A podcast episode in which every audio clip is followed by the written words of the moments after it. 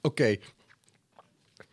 We zijn al begonnen. Oh, we zijn al begonnen. Wil jij zeggen welkom bij? Welkom bij de eindbazen.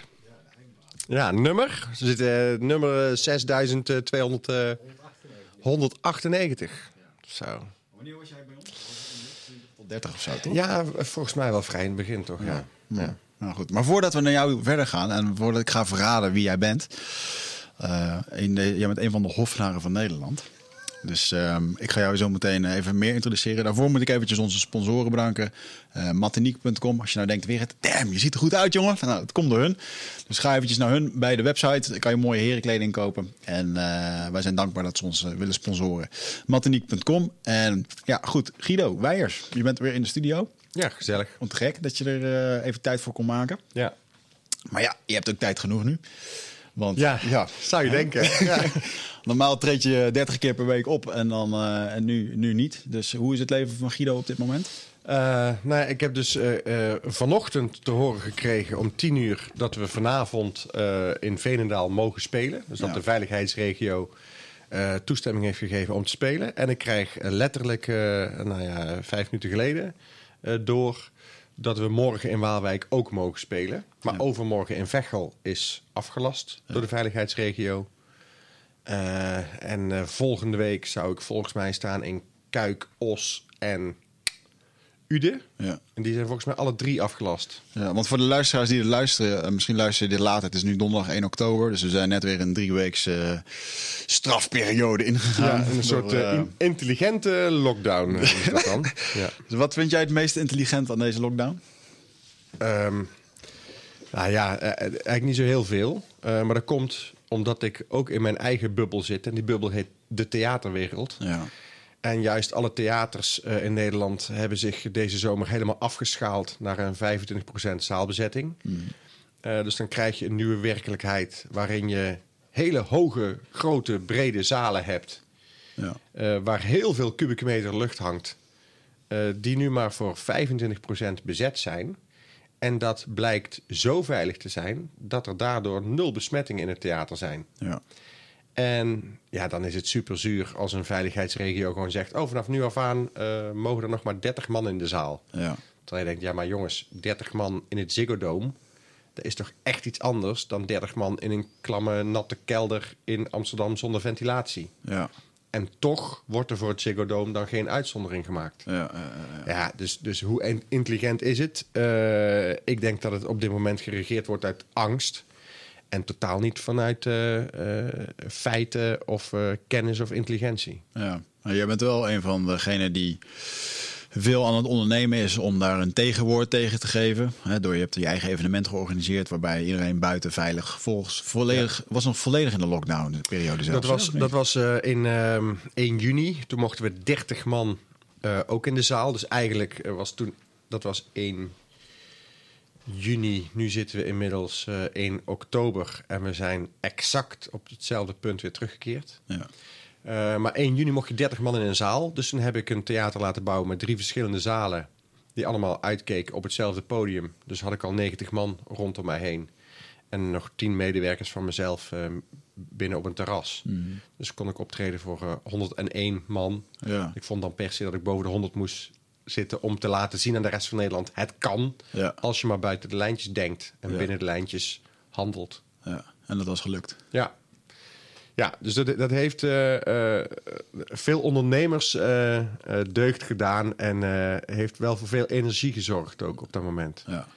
Merkte ik wel dat veel mensen dachten, oh, eindelijk iemand die denkt aan, aan wat kan wel in plaats van wat mag er allemaal niet. Ja. Had jij daarna niet ook nog een brief gestuurd naar? eh, Eh, Was dat een soort ja, nog, nog daarvoor zelfs. eh, een paar weken daarvoor heb ik een brief gestuurd aan Mark Rutte. Van, we, we hebben zoveel leuke ideeën, maar ze worden allemaal afgewezen. Maar beoordeel die ideeën nou eens op veiligheid in plaats van op iets is een evenement of er mogen 30 man in een zaal. ja. Want als je alleen maar dat regeltje. Kijk, we hebben namelijk een probleem. Dat probleem heet corona. Hoe kunnen we dat aanpakken? Zorgen dat iets veilig is. Ja. Ja, als wij dan iets veilig maken, wil je het dan ook beoordelen op die veiligheid. Daar gaat het mis. Want, want die, die mogelijkheid krijgen we vaak niet. Je zou nu in een stadion kunnen zeggen: oké, we zetten iedereen op drie meter. En iedereen krijgt een mondkapje en iedereen komt met een maanpak binnen. Maar ze zeggen gewoon: ja, maar komende zaterdag mag er gewoon geen publiek bij een wedstrijd. Punt. Ja. Ja, dan krijg je dus ook niet. eh, dan, dan kom je dus ook niet dichter bij oplossingen. Nee, ja. Want je moet juist meten, je moet juist ondernemen, je moet juist dingen uitproberen en meteen met camera's erop, met sensoren erbij, met luchtmeters, weet ik veel, om te kijken of iets werkt of niet. Anders dan blijft de kennis natuurlijk hetzelfde als een half jaar geleden. Ja. En hoe zit het dan met theaters in Nederland? Want ik heb het idee, eh, ik, ik, ik hoorde je net voor de uitzending wat praten, eh, dat er best wel wat theaters op die manier failliet gaan, op de Ja. manier zoals het nu gaat. Hoeveel van die theaters in Nederland zijn eh, of overheid slash gesubsidieerd ten opzichte van de theaters die... Oeh, weet ik niet. Weet ik niet. Maar de, de meeste theaters krijgen veel subsidie. En, en, de, en je merkt ook echt dat de uitzonderingen, dus dat de theaters die minder subsidie krijgen of geen subsidie krijgen, dat dat de theaters zijn die als eerste gaan ondernemen. Ja, Eh, of, of theaters waar gewoon eh, wat mensen aan het roer staan die ondernemers zijn geweest, Ja. of die uit een andere tak van sport komen, dat die eerder handelen. Zoals ik laatst in, in ehm, eh, moet ik het goed zeggen, Steenwijk was ik afgelopen week. En daar ging het theater dicht afgelopen jaar. En toen mochten ze weer open op anderhalve meter. Toen hebben ze gekeken naar hun eigen zaal. Hebben ze gedacht, ja, hier kunnen normaal gesproken 520 man binnen. Maar ja, als wij nu dit mogen vullen op, 25, op eh, meter afstand... dan passen er nog maar 160 of 170 in. Fuck it, hiernaast ligt een sporthal. We verhuizen gewoon ons hele techniek verhuizen we naar die evenement, maken we een evenementenhal van. Ja. Daar zetten we gewoon allemaal stoeltjes op anderhalve meter neer en dan passen er 300 in. slim. En die zijn binnen drie weken hebben die de schakeling gemaakt. Ja, Ja, en dan is er 15 kilometer verderop een theatertje. Dat is het nu gewoon heel hard aan het verliezen. Want ja, daar durven weinig mensen te komen. En mensen weten nog niet dat we open zijn. Nee, 15 kilometer verderop hadden ze binnen drie weken hadden ze alles omgebouwd. En daar hebben ze de hele zomer geprogrammeerd. ja. Dus het is wel mooi om te zien van de, degene die zelf hun broek ophouden... dat die ook daadwerkelijk eh, meer ondernemen. Ik merkte dat van de week toen ik... eh, ik wilde het Tropenmuseum in Amsterdam huren voor, eh voor mijn eh, boekpresentatie. Ja. En ik kreeg gewoon een mail terug. Nee, want het is nu teruggeschat tot 30 man. Dus we doen nu geen evenementen. Dat is jammer. Je wilt toch, ik kom gewoon geld Ja. brengen, ondanks dit. En je wil Ja. het gewoon niet, weet je wel. Oftewel, je krijgt gewoon genoeg subsidie om te blijven bestaan waarschijnlijk. Ja, ja dat merk je vaak hoor. Merk je vaak dat. eh, eh, en het is natuurlijk ook super zuur, want elke avond dat een theater open is voor 25% van de normale bezetting, draaien ze ook verlies.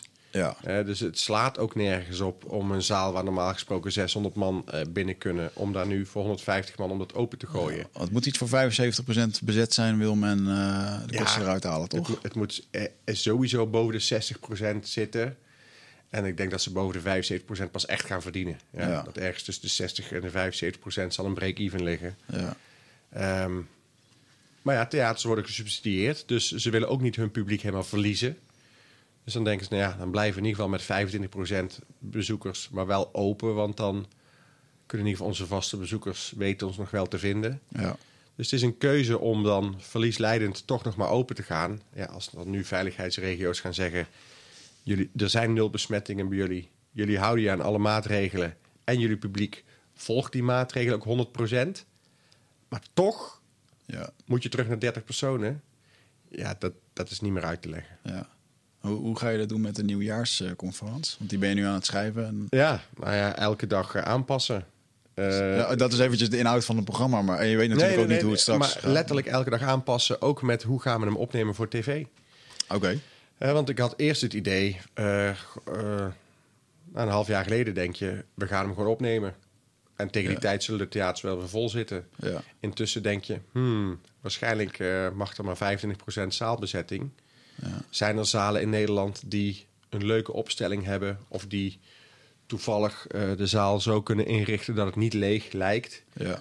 Moeten we er poppen tussen gaan zetten? Of moeten we, moeten we eh, het publiek allemaal microfoontjes geven... dat als ze lachen, dat we dat eh, twee keer zo hard kunnen laten klinken? Je bent allemaal duizend oplossingen aan het verzinnen. Ja. En nu had ik eh, drie weken geleden zeiden we, zei de overheid: we gaan regionaal aansturen. Dus daar waar brandhaarden ontstaan, daar gaan we ingrijpen. Dus toen dacht ik, nou, dan zet ik voor mijn tv-opname het Ziggo Dome vast. En een theater in West-Brabant. En dan kan ik in ieder geval altijd welke regio ze sluiten. Ja, die heeft dan pech. Maar dan heb ik in ieder geval altijd nog iets achter de hand. Ja. Ja, en dan eh, eer, of, eh, afgelopen maandag zegt de regering in één keer... we doen het toch landelijk. Ja. Ja, en dan wordt weer alles uit je handen geslagen. Ja, ja, ja, ja. Dus maar ik, ik ben er wel absoluut van overtuigd. In de evolutie is het zo... hij of zij die zich het snelst aanpast, die overleeft. Mhm. En eh, ik denk dat eh, onder de cabaretiers en de kunstenaars... ik een goede kans maak. Ja, dat denk ik ook wel. Moet Maar dat, ja, dat is ook ontzettend arrogant om dat te denken. Maar eh, ik wil dat gewoon heel graag. Dus ik, eh, ik, ik wil gewoon per se dat het doorgaat. En we vinden wel een nieuwe creatieve vorm. Ja. Ik krijg ondertussen een hooikoortsaanval. Ja, in je elleboog. eh, in je elleboog. Nee, ik voel helemaal gezicht zo trekken af en toe. heb ik dat hier. eh, Moet je dan naar het licht kijken of juist niet? Of, eh, ik weet niet wat er tegen... nou, het trekt nu alweer weg. Maar, maar is het ik gewoon traan- kriebel? Ja, dan krijg ik in één keer zo'n tr- traanogen en eh kriebel. En dan, ja. Stof of zo, ik weet ook niet. Maar, maar wat ik, waar ik eigenlijk een beetje naar zat te doelen was... ehm, hoe ga je dat doen? Want je hebt nu ehm, de opbouw daar naartoe betekent normaliter dat je gewoon een theatertour doet, toch? Ja. En dan ga je dat testen en doen en bijschaven. En dan ergens in vlak voor december, de dag van tevoren, neem je dat op dan of zo? Of Ja. is dat wel live? Ja, nee, twee dagen ervoor. Ja, soms is het live. Maar dit jaar zouden we zeggen twee dagen van tevoren opnemen. Ja. Ehm, ja, en, en in plaats van eh 70 try-outs heb ik er nu eh, misschien dadelijk eh 50 of zo. Of misschien wel eh 30. Ja. Geen idee hoeveel er dadelijk uit mijn agenda worden geschrapt. Ja. Maar het lijkt nu mee te vallen, omdat eh, Femke Halsema ook heeft gezegd... Ze zei eerst, we, gooien alles dicht. Ze zegt nu, nou, er zijn toch een paar culturele instellingen... die we dan uitzonderingen Ja. uitzonderingen maken. En daar hoort dan het, het nieuwe de Lamar ook bij. Dus ik heb nog wel genoeg plaatsen om te testen. Alleen Brabant loopt nog wat achter. ja. Daar zegt de veiligheidsregio gewoon eh 30 personen. Hm, terwijl de Lievekamp of zo zich echt wel leent om eh grote uit te pakken. Ja. Ja. Os, in Uden staat het theater dat... Die heeft oprecht... ehm, dat is het meest vooruitstrevende theater in Nederland. Dus drie verdiepingen of zo, toch? Of met allemaal... eh, Nee, die, die hebben... De, eh, Markant in Uden heeft ook binnen een paar weken... met die lockdown hebben ze gezegd... wij zetten overal kuchschermen neer. Eh, voor en achter. Wij zorgen voor looplijnen. We zorgen voor, eh, voor deuren die automatisch open gaan. We zorgen dat mensen niet meer hun kaartje af hoeven te geven als ze binnenkomen, maar dat het automatisch gescand wordt. En we zorgen dat mensen hun drankje vooraf al betaald hebben, dat er ook geen eh, transacties meer plaats hoeven te vinden. We zorgen dat onze luchtverversing vernieuwd is. Die hebben alles geregeld. Hebben ze laten testen door het Duitse TNO. Dat heet TÜV. Ehm, dat Duitse... Goeie naam ook. Tuf. Ja, met, met, een V. en eh, en die, hebben, eh, die hebben het goed bevonden. Die hebben gezegd van nou, eh, bij, een, bij een deur aanraken heb je zoveel procent kans om besmet te raken. Bij bij contactpunten. Ze hebben een theaterbezoek in 15 contactpunten of zo opgedeeld.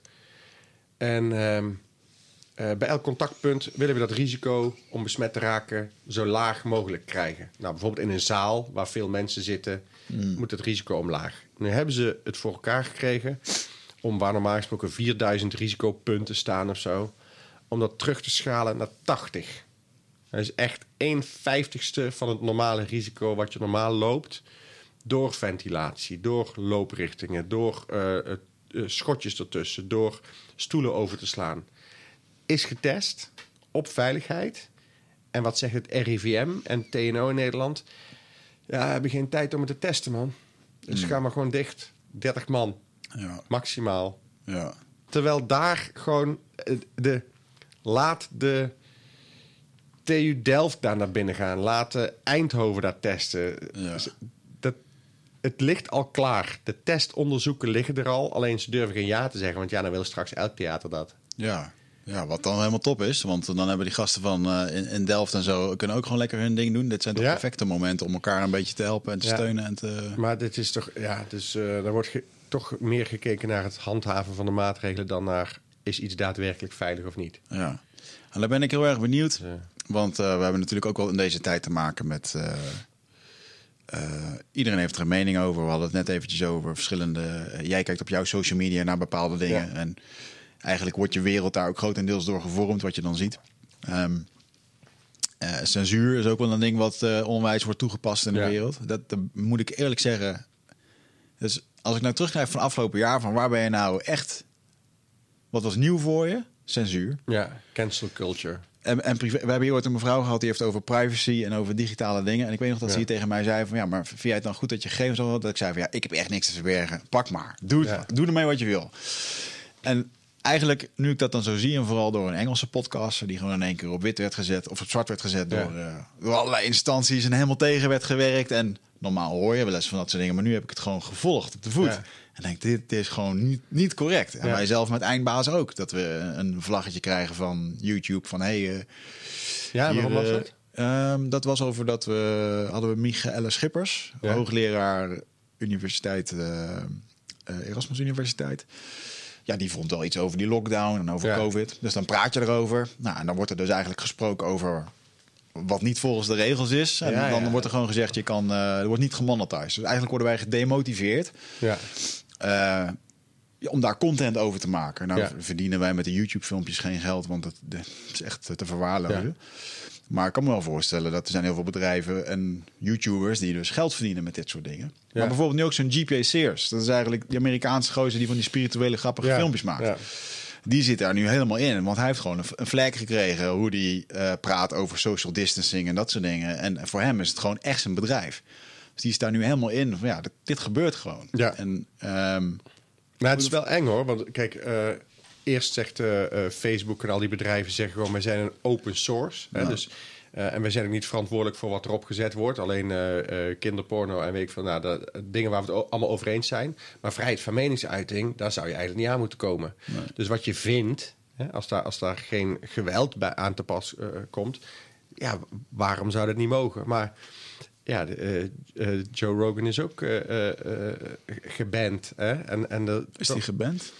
Ja, die, heeft toch, die is toch ook eh, eh, naar eh, Spotify gegaan? Nou, Eh, hij, hij is, nou, Deze daardoor. nou, oké, hij is niet geband van YouTube, maar hij heeft de keuze gemaakt om naar Spotify te gaan. ja, kreeg je ook 100 miljoen voor, hè? Ook zeker. Dus, Maar- helpt ook wel een klein beetje. Maar dat, daar kom je nu al dus in het, in het, eh, in het gedrag. Hè? Dat hij bijvoorbeeld in zijn contract met Spotify heeft hij vast laten leggen dat een van zijn gasten Alex Jones mag zijn. En dat Ja. is zo'n conspiracy theorist in Amerika die overal Ja. geband is. Ehm, die overigens heel grappig van de week zag ik hem dus in de periode dat Trump president ging worden, Ja. heeft hij president Trump in zijn podcast gehad. Mhm. En daar zit hij gewoon letterlijk in te vertellen van... joh, ja, en we hebben het hier over de globalisten, de mensen die... hè, de one world government. En dat zit hij gewoon zo tegen Trump te Ja. zeggen. En, en Trump die, die antwoordt daar gewoon op. Ja. Heel grappig. Maar goed, dat was nog eventjes voor de tijd dat hij president werd. Maar dat heeft hij dus in zijn contract opgenomen. Dat hij die mag uitnodigen. Al die podcasts zijn overgezet. En er zijn nu al eh 13 echt, noem je dat, van die brandbriefvergaderingen geweest binnen Spotify.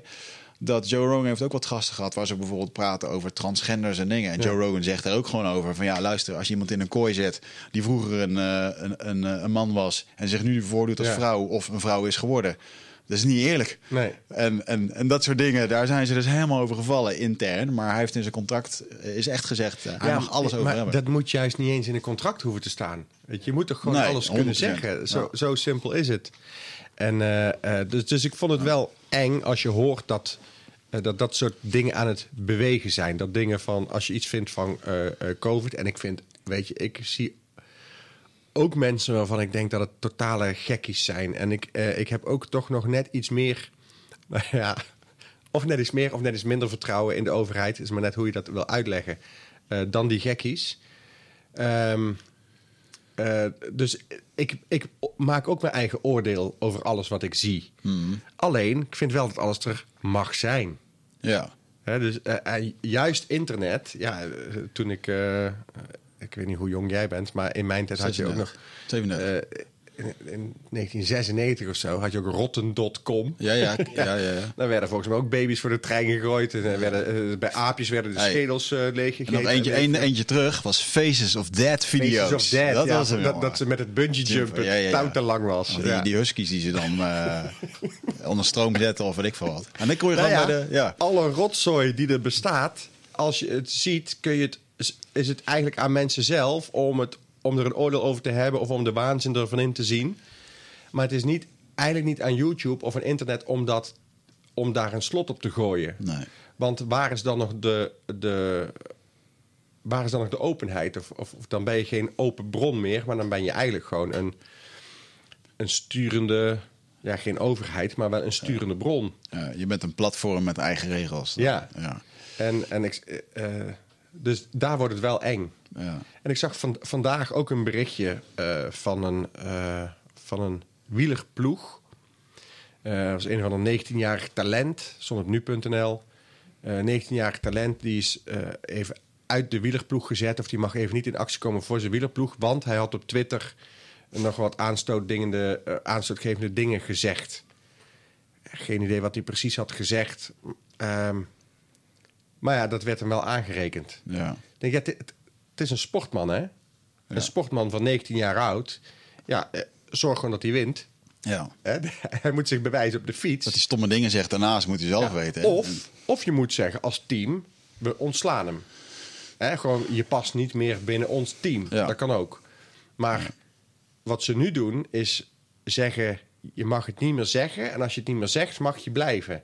Ja, dat vind ik eigenlijk nog erger. Ja. Want dan, dan eh, ga je gewoon manipuleren. Ja.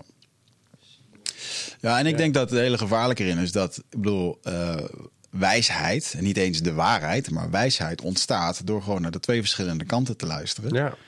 Daar het beste van te nemen en dat ergens in het mi- midden voor jezelf te filteren. Maar ehm, nu mag ik maar naar één kant luisteren eigenlijk, want de rest Ja. is bij voorbaat niet waar. En, en, ik, en ik- als je dan ook, je ziet veel van die docu's hoe mensen echt gewoon, en in Nederland denk ik dan nog wel eens, oké, hier valt het nog mee.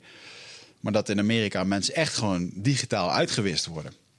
Gewoon, ik Ja. ken mensen waarvan de website in Google niet gevonden wordt. Maar als ik hem intyp gewoon rechtstreeks in de URL, dan vind ik hem wel. Ja. En dat betekent dat men dus gewoon niet wil dat wat jij post, dat dat gezien wordt. En Ja. dan denk ik, dat is vreemd. Waarom niet, weet je wel? Ja. Of dat er 500 Facebookgroepen over een bepaald onderwerp in één keer wop, weg zijn. Ja. Maar- ja, dat zijn wel, wel rare dingen. Weet je, volgens mij moet je alles kunnen zeggen en ligt de grens bij geweld. Ja. En, eh, heel veel eh, moeilijker hoeven we het niet te maken, volgens mij. Ja, jouw collega, eh, wie mij laatst toch weer... Ik heb eens een oude filmpjes van zitten kijken, Hans Theeuwen. Ja. En ook zelfs de filmpjes van vier, vijf jaar geleden... ook die, die tegen met die dames van de Lal en zo. En ik heb dat laatst nog eens zitten kijken. En dan, hij kan het zo scherp verwoorden. Ja. En echt hoe dat het is. En Ja. iedereen die daar tegenin gaat, die kijkt er gewoon heel erg gekleurd naar. Maar als je het echt Ja. terug naar de kern kijkt, dan denk ik, ja... Nou, ik, vind Hans Theeuwen eh, eh, op, op weinig plekken zo goed als op de pijnbank bij de meiden van Halal. Als je dat YouTube-filmpje terug kunt kijken, voor alle mensen, kijk dat terug. Daar krijg je gewoon een lesje goed debatteren. Want er zitten drie vrouwen tegenover hem die hem het vuur aan de schenen leggen. Ja. En in, in mijn optiek eh, eh, eh, laat Hans Theeuwen daar zien hoe snel hij denkt en hoe oprecht overtuigd hij ook is van zijn zaak. Ja. Want daar wordt gewoon een gesprek aangegaan. En tuurlijk, hij blijft wel ook een beetje de, de grapjas uithangen. Maar wat hij zegt, Ja. ja, is iedere keer de spijker op zijn kop. Ja, ja. Waarom zeg je dan dingen die ons beledigen? Ja, dat, ja, dat kan je niet voorkomen. Nee. nee en, en maar hij draait op een gegeven moment ook om. Want hij, hij zegt, denken jullie dat ik niet beledigd ben... Als, eh, of dat wij niet beledigd zijn als eh, eh, homo's niet worden goedgekeurd door jullie geloof? Ja. Of denken jullie dat wij niet beledigd zijn als een vrouw voor hoe wordt uitgemaakt omdat ze een kort rokje aan heeft? Dus hij draait het soms af. Dus beledigd worden wordt dan ineens een soort vloeibaar begrip. Van ja, iedereen kan wel roepen dat hij beledigd is op elk moment. Ja. Ja, ik kan. Ik kan ja, ik, ik, ik kan, kan bij alles wat jij... Als jij mij introduceert als eh, komiek... kan ik zeggen, ja, maar ik ben helemaal geen komiek. Jochem Meijer is een komiek. Ik ben een cabaretier. Ja. Weet ik veel, ja, je kunt alles... Niet dat je dat gedaan hebt, hoor. Maar je, je zou bij alles wat iemand kan zeggen... kan ik weer zeggen dat dat, dat gewoon... Ja, maar het voelt beledigend. Ja. Ik voel me beledigd. Ja. Ja. ja, daar kun je dus geen rekening mee houden. Nee, Ja, dan, daar heb ik wel een hele sterke mening over. Dat is gewoon hoe jij je voelt, dat is echt zo. Daar kan niemand iets aan doen. Hoe jij dat nu beleeft. Alleen je gevoelens worden gekeerd door je gedachten. En je kunt je vraag tegen ze- bij zetten of dat je gedachten wel, wel echt Ja. zijn. Want die gedachten die vertellen jou dat het zo is en, en daardoor ga je je rot voelen. Maar zijn die gedachten echt waar? Ja, ja. En- je zou nog kunnen zeggen, als je je beledigd voelt, dan is er werk aan de winkel. Ja, Hè? het, bij is jezelf. innerlijk, het is innerlijk werk. En Ja. en ja sorry, dat, ik haal, haal dat ook hier. Ik vind ook... Moet ik het nou weer doen? Ga ik het erover hebben? Maar bijvoorbeeld ook, eh, de, de- nou, noem eens even de Zwarte Piet discussie. Ja. Ik had het hier met Alice erover hem over. De, dat- hè, Ja. Ik durf het hierover te hebben met de wereldkampioen K1 MMA, die ook nog een keertje donker is. Ja. En, en, en hij had het er ook over. Dat hij woont in, eh, in Amerika, in Florida vooral. En eh, toen hadden we het over eh, eh, Trump en Biden en al die, die, die, Ja. die, wat er nu allemaal speelt, de presidentsverkiezing, maar ook bijvoorbeeld Zwarte Piet. Ja. Hij zit daar gewoon, ja, Zwarte Piet is gewoon tof. En ehm, prima, is een kinderfeest. En, Ja. en, en, en, en ik denk dat in Amerika echt wel racisme anders heeft plaatsgevonden dan hier. Ja. Want het hele land is gewoon gebouwd op ellende eigenlijk. Ja. Ehm, dus het is meer aanwezig. Maar ehm, dat hij ook gewoon... Hij zegt ook, er zijn daar UFC-vechters... Zwarte vechters die mij appen via Instagram... die dan zeggen, kom, je moet ook eh, dit en eh, hoe racistisch. En dat hij Ja. gewoon zegt, ja, ik voel het niet hoor. Dus Ja. het heeft er toch mee te maken dat er van binnen zit er iets. Omdat moeder altijd heeft gezegd dat, eh, dat wij Ja. niet gezien worden en zo. En dan, dan wordt dat weer opgerakeld. Dus het is inderdaad, je wordt gewoon getriggerd. Het is innerlijk werk wat daar voor je ligt. Ja. En ehm, dat is een harde noot om te kraken als je die pijn echt voelt. Ja, en ik merk ook dat, dat er. eh, ik zag laatst ook een comedian en die had het over dat er. eh, dat de witte mensen toch nog maar moeilijk. nee, wat was het nou? Rutte. Als Rutte zegt eh, wij Nederlanders, dan bedoelt Rutte vaak niet alle Nederlanders. Oh ja. Maar dan bedoelt hij vaak de grote witte menigte. En eh, er, is ook nog een, eh, er zijn ook nog Nederlanders met een migratieachtergrond. En er zijn ook nog Nederlanders met. Terwijl in mijn optiek, als Rutte zegt beste Nederlanders, heeft, hij het over iedereen. Die een Nederlands paspoort heeft. Ja, Ja. zo, zo simpel dacht ik het. ja. En toen zei die eh, comedian, die zei nee, dat is niet zo. Eh, maar dat, witte Nederlanders zien dat niet altijd. En toen dacht ik, ja, maar doordat je zegt witte Nederlanders... komt er nu een wij en een ja. jij. Jij Terwijl- ziet, ja, je ziet het wel anders. Ja, terwijl ik oprecht, toch echt... en misschien is dat ook naïef van mij... ik wil geloven dat er alleen maar een wij is. Ja. Ik heb het nooit... ik heb het ook wel eh, in voorbeelden over eh, eh, eh, zwarte mensen... of soms over rijke mensen... of soms over dikke mensen... of over schele mensen... Ehm, maar het is om dan een verschil aan te geven. Ja. Maar in mijn handelen... ja, heb ik zelf toch echt de illusie dat ik gewoon altijd in wij denk. En dat ik niet zoveel veel onderscheid maak. En, zo. en in ieder geval, ik, ik, heb de, ik heb de overtuiging dat het zo zou moeten. Ja, je probeert ernaar te handelen. Ja. Ik denk dat we diep van binnen ehm, ben je toch selectief waar je naartoe beweegt, met wie en hoe wat. Dus je creëert toch je eigen Tuurlijk. kampje. En de, de, ook dat is denk ik eh, nature en nurture. Eh, volgens mij is het zelfs zo dat je biologisch in je systeem zit gewoon... dat je je meer aangetrokken voelt tot mensen van je eigen ras gemiddeld. En dat je eh, sneller wantrouwen hebt naar men- mensen die minder op jou lijken. Ja, dat klinkt wel logisch. Ja, nou, dat, en dat is... eh, Ja, even vanuit natuur zien dat je niet als hert naar een cheetah toe kruipt om melk te gaan drinken, zeg maar. nou, dat idee. Ja. Ja. En dan is het ook nog, maar dan is het ook nog eh, qua opvoeding schijnt het ook nog zo te zijn. Ja, en dat is niet alleen maar. eh, er zijn ook de doltest, ik weet niet of je die kent. Dat ze gewoon een kindje, een kindje van vier geven ze twee poppen, een witte pop en een zwarte pop. En dan vragen ze gewoon wie vind je het knapst en wie heeft het meest succes en eh, wie is het rijkst. En ze wijzen iedere keer die witte pop aan bij alles wat goed is. Oh, Sterker nog, zelfs zwarte kinderen doen dat. wauw. En daar wordt het natuurlijk een beetje pijnlijk, want dan zou je, zou je de conclusie kunnen trekken: blijkbaar alles wat we op televisie zien, alles wat we om ons heen horen, alles wat we op billboards naar ons toe krijgen of op internet, is blijkbaar zo gestuurd dat de witte mens Ja, dat geloof ik wel. eh, eh, superieur is. Dus, Ja. dus dat is wel een ding waar wij eh, in de spiegel zouden Ja. moeten kijken en, da- en dat zouden moeten beseffen. Ik kan me voorstellen dat als je, ehm, als ik nu een magazine opensla, dan word ik eigenlijk geleerd om niet van mezelf te houden. Want ik zie een meneer met veel wittere tanden, met veel Ja. mooiere haren, met grotere tieten. En, Ja. Dus dat is schijnbaar het, hoe dat het moet. Ehm, maar ik denk inderdaad, als je dan een minderheidsgroepering bent en, en dit zit er echt wel in verweven, want Ja. het merendeel is ook eh, eh, blank, denk ik, wat, er dan, wat je dan te zien krijgt. Dan denk, ja, ik denk dat het onderhuids echt wel insluit. Ja. Maar het is dus wel interessant dat je dus biologisch gezien... eh, heel, als je eens kijkt wat de, eh, de search engine van porno-sites... daar staat op één, in elk land ter wereld, staat op één het land zelf.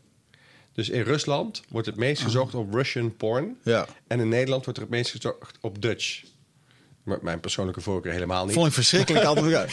Had je Ad en Don had je dan, weet je wel? Van die foute films. Kim Holland. Ja, eh, ja, ja, nee, heeft mij ook nooit, eh, heeft mij nooit getrokken. Maar Goeie blijkbaar, maar blijkbaar is dat dus zo. Als je als dus eh, Pornhub heeft van die, van die statistieken, zeg Ja. maar.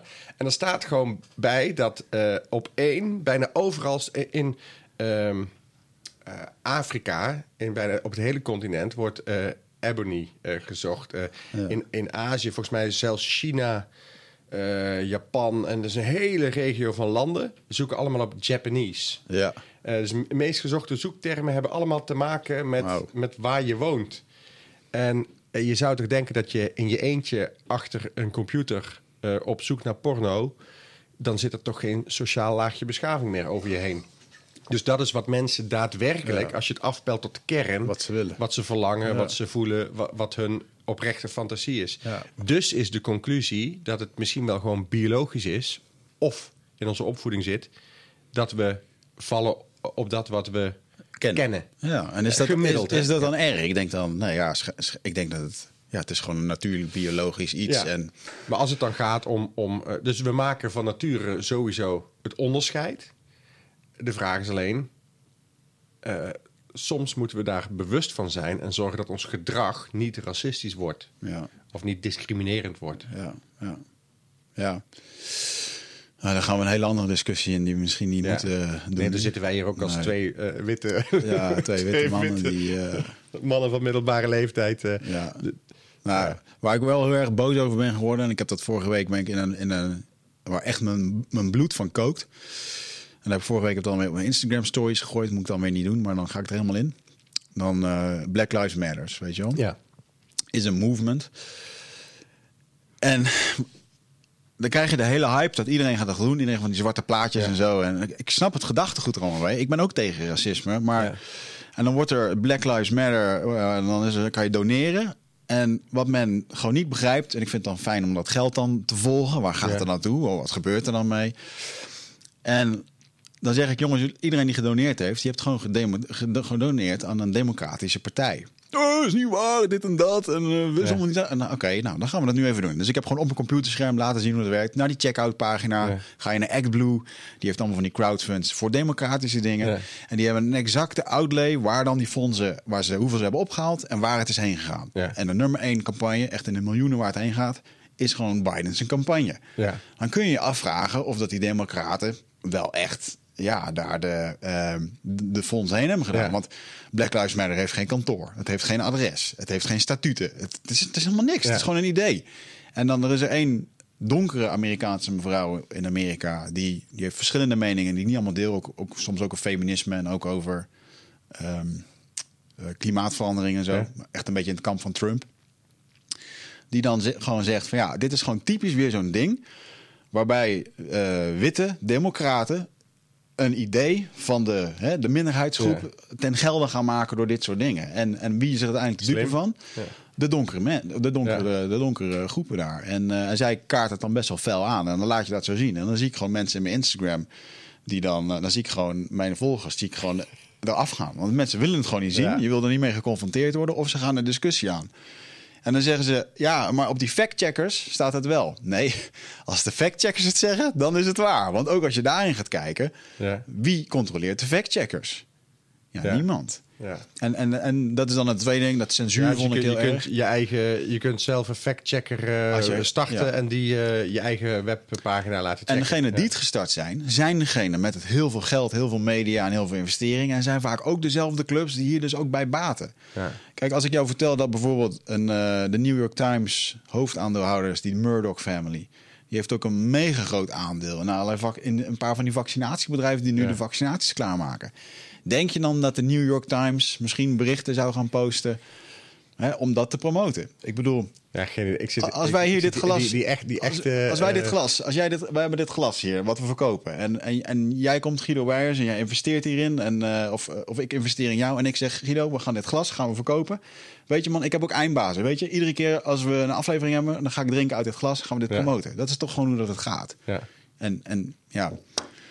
Die giftigheid, daar moet ik niet te veel in gaan zetten, maar dan gaat mijn bloed echt koken, jongen. En dan vooral nog de discussies die ik eroverheen krijg. Nou, moet ik allemaal niet doen, want ik weet ook maar niks. Maar Ja, het is wel grappig. Ik, ik zit helemaal niet in conspiracy of zo. Dus ik probeer ook altijd weg te blijven van wat waar is of wat niet waar is. Of, Ja. eh, maar ja, soms is het ook gewoon wel lekker om je ergens in te verliezen, toch? Om Oh, ergens, ja. ergens over te kunnen spuien. En, eh, maar ja, en Black Lives Matters. Ik, ik, eh,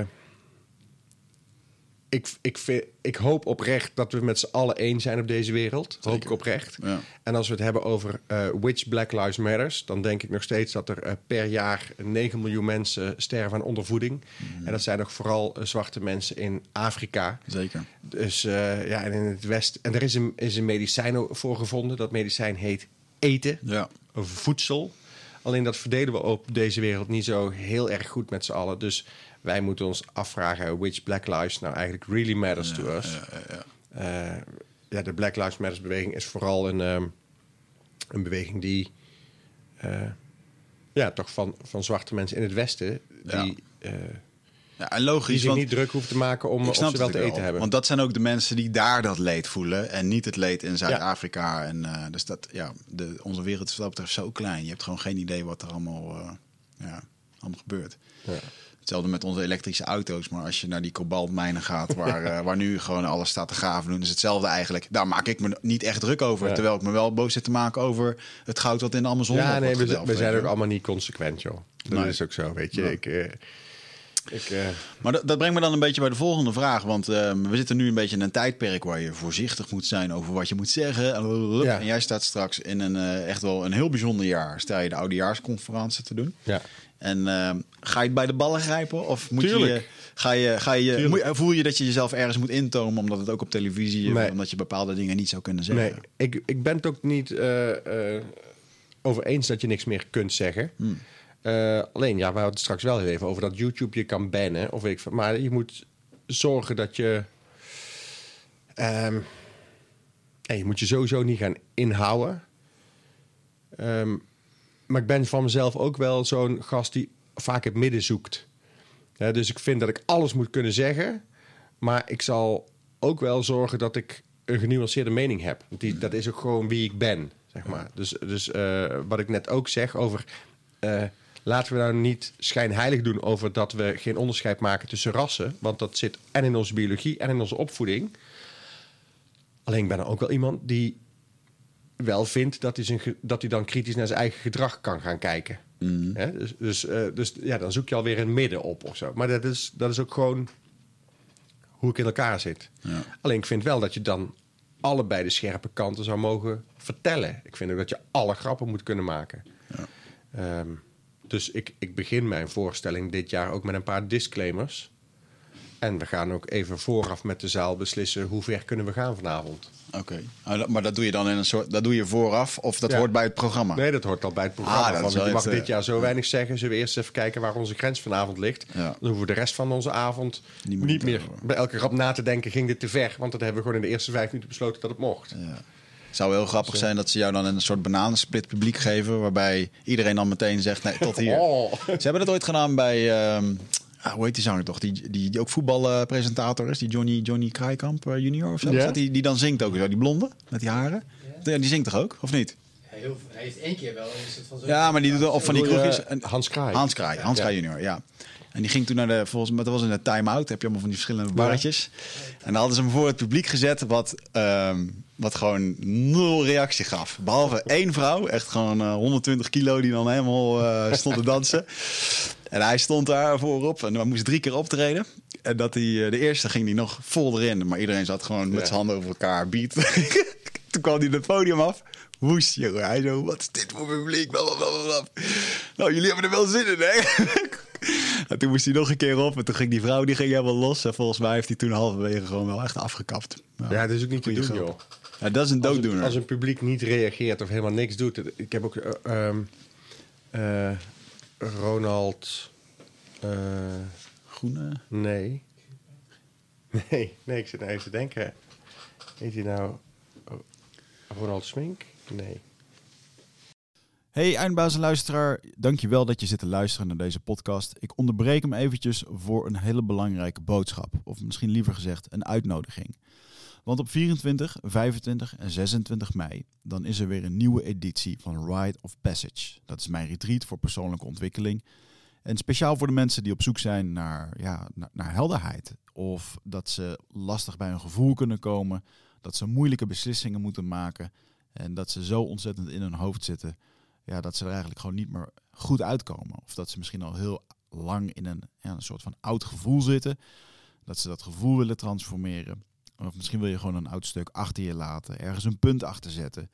En ja, zoek je misschien heling op iets wat, wat je te lang hebt weggeduwd of, of hebt vermeden.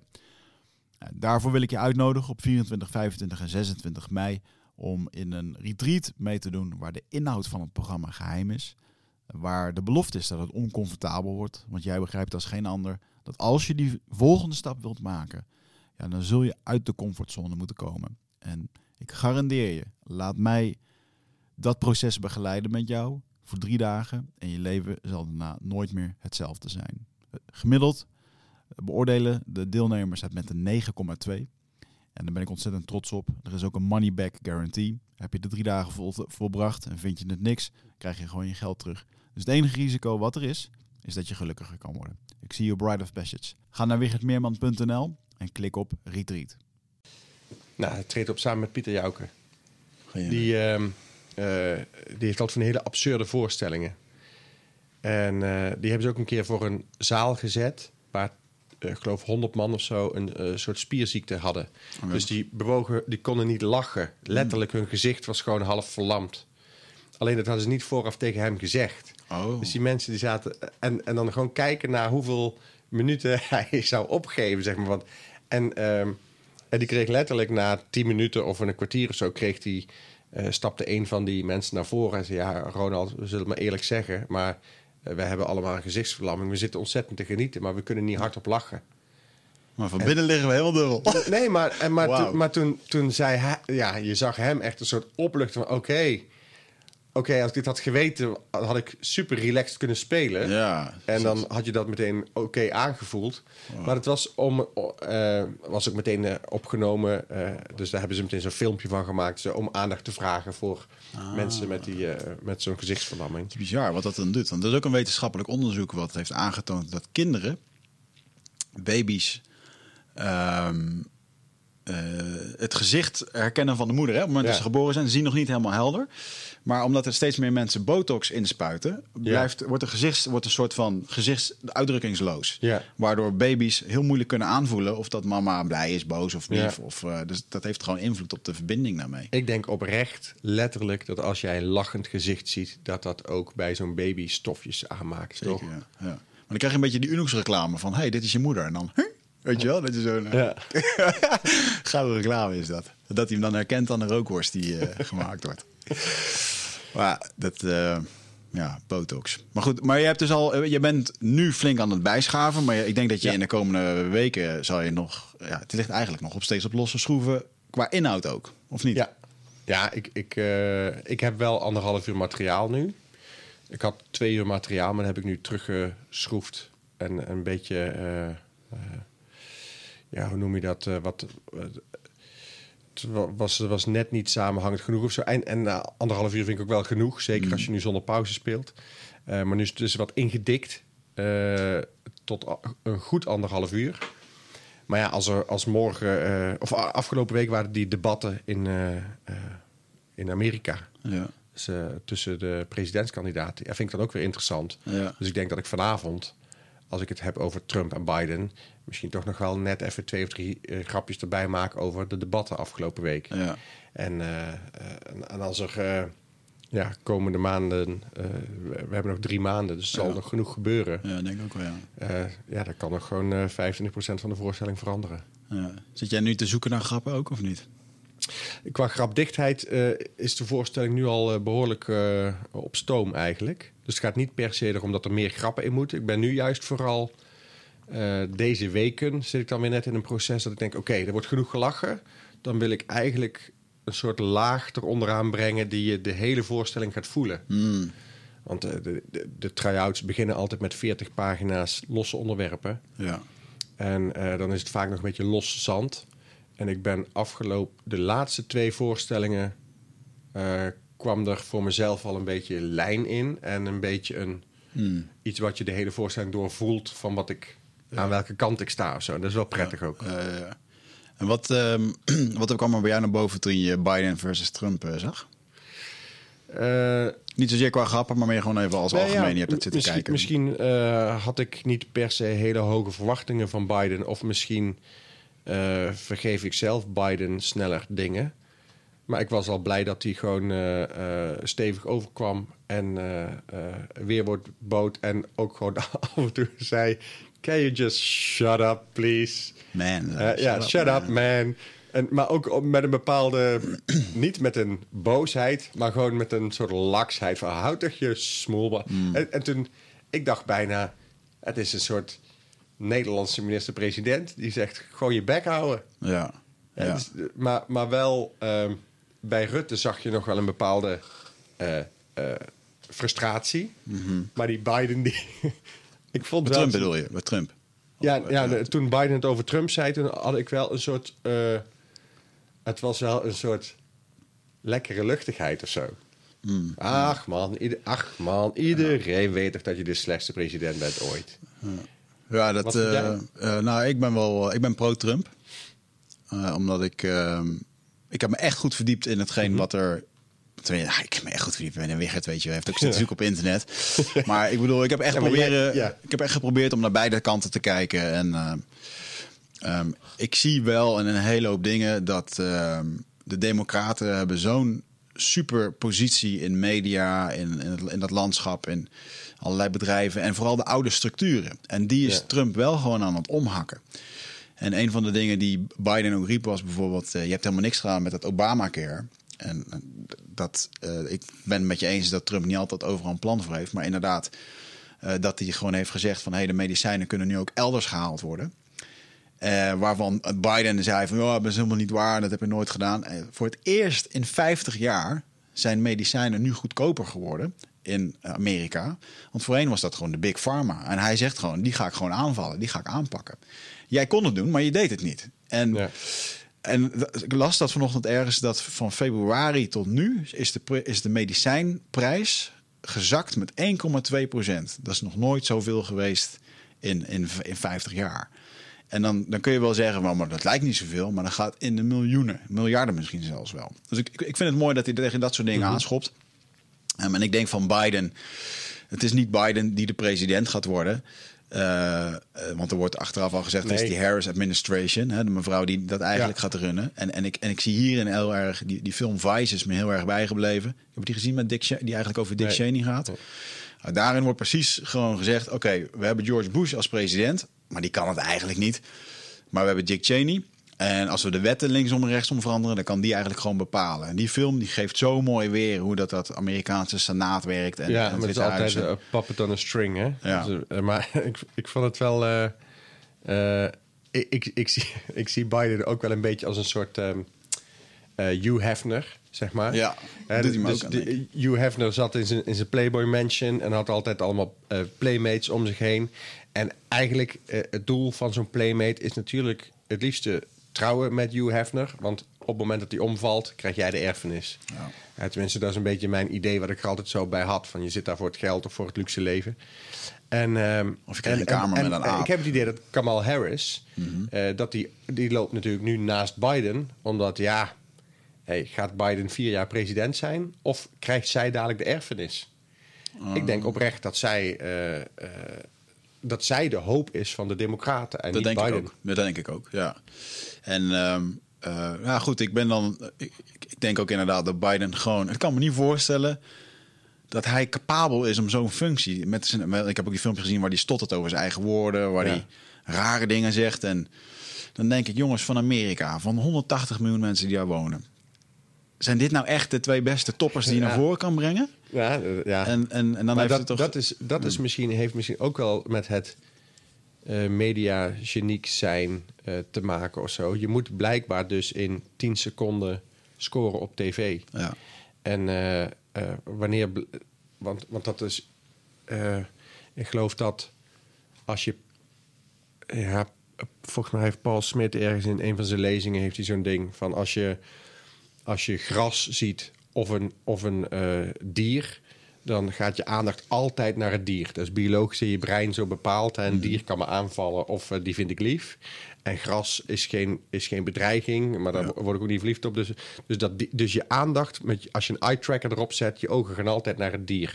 Als je een dier hebt of een mens, gaan je ogen altijd naar de mens. Want dat is. eh, als je eh, een, een, een kwaad iemand of een, eh, een aardig iemand, dan je ogen worden altijd getriggerd door angst. Weet je? Dus, en ik denk dus dat eh, Trump toevallig in je brein iets veroorzaakt, waardoor hij altijd wint van het plaatje ernaast. Hè, bewegend beeld wint het altijd van een foto. Hè? dus, dus- en ik denk dat er dus een soort, of het toeval is of niet, of dat het gewoon charisma is, of ehm, eh, wat het dan ook is, blijkbaar weet die in drie seconden of in 0, zoveel seconden of in 10 seconden.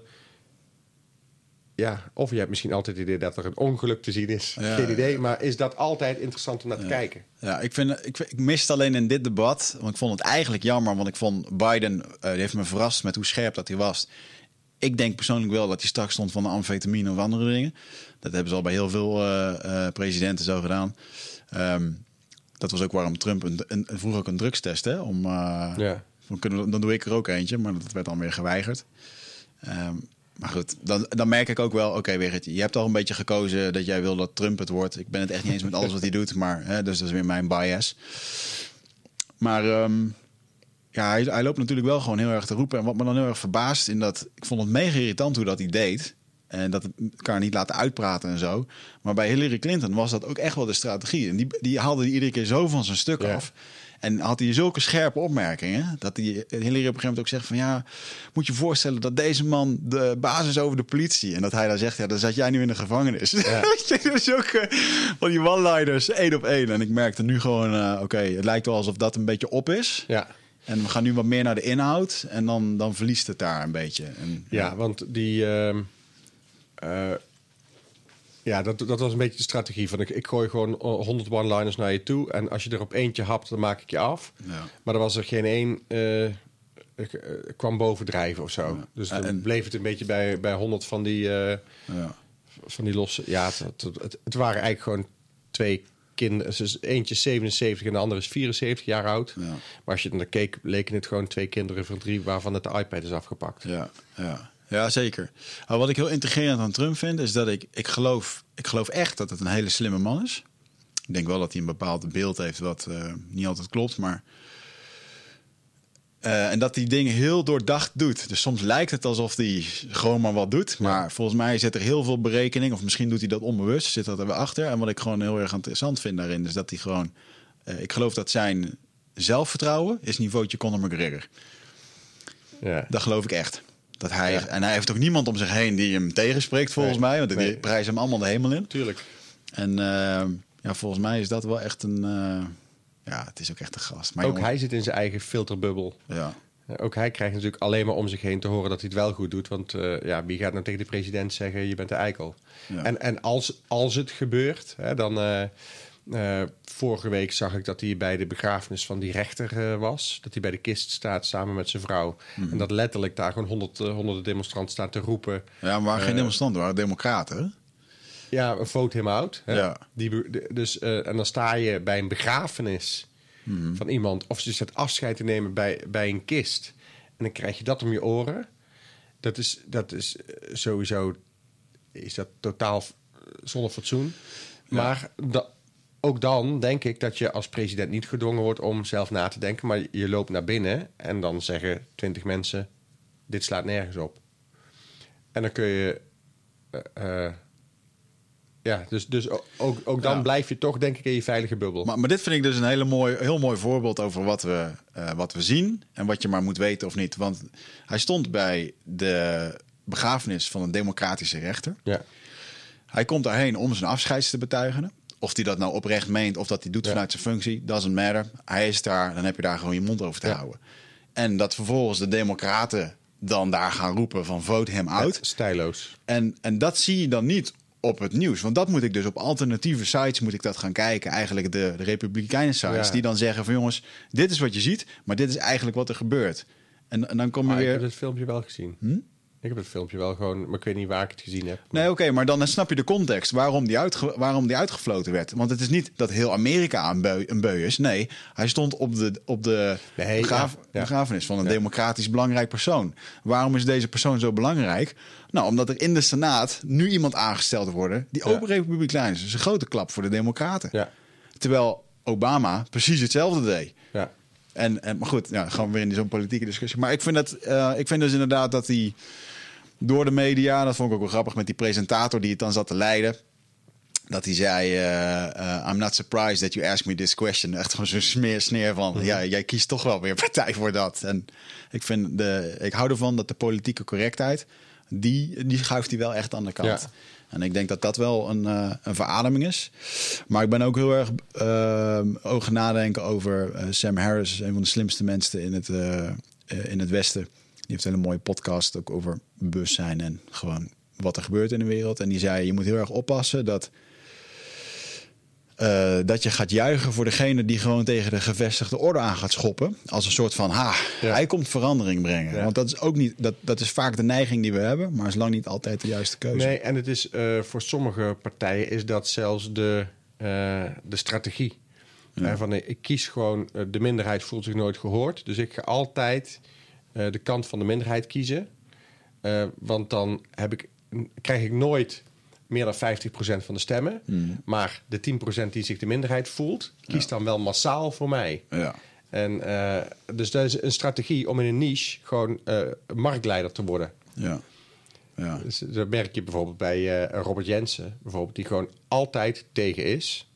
Eh, en dat, dat, eh, ja, dat vinden mensen toch ook wel weer interessant. Ja. Is eigenlijk pas dit jaar pas weer op mijn vizier gekomen. Eh, ehm, ik wist eigenlijk niet dat hij helemaal zo verbannen was uit dat, dat wereldje van eh, normaal televisie in Nederland.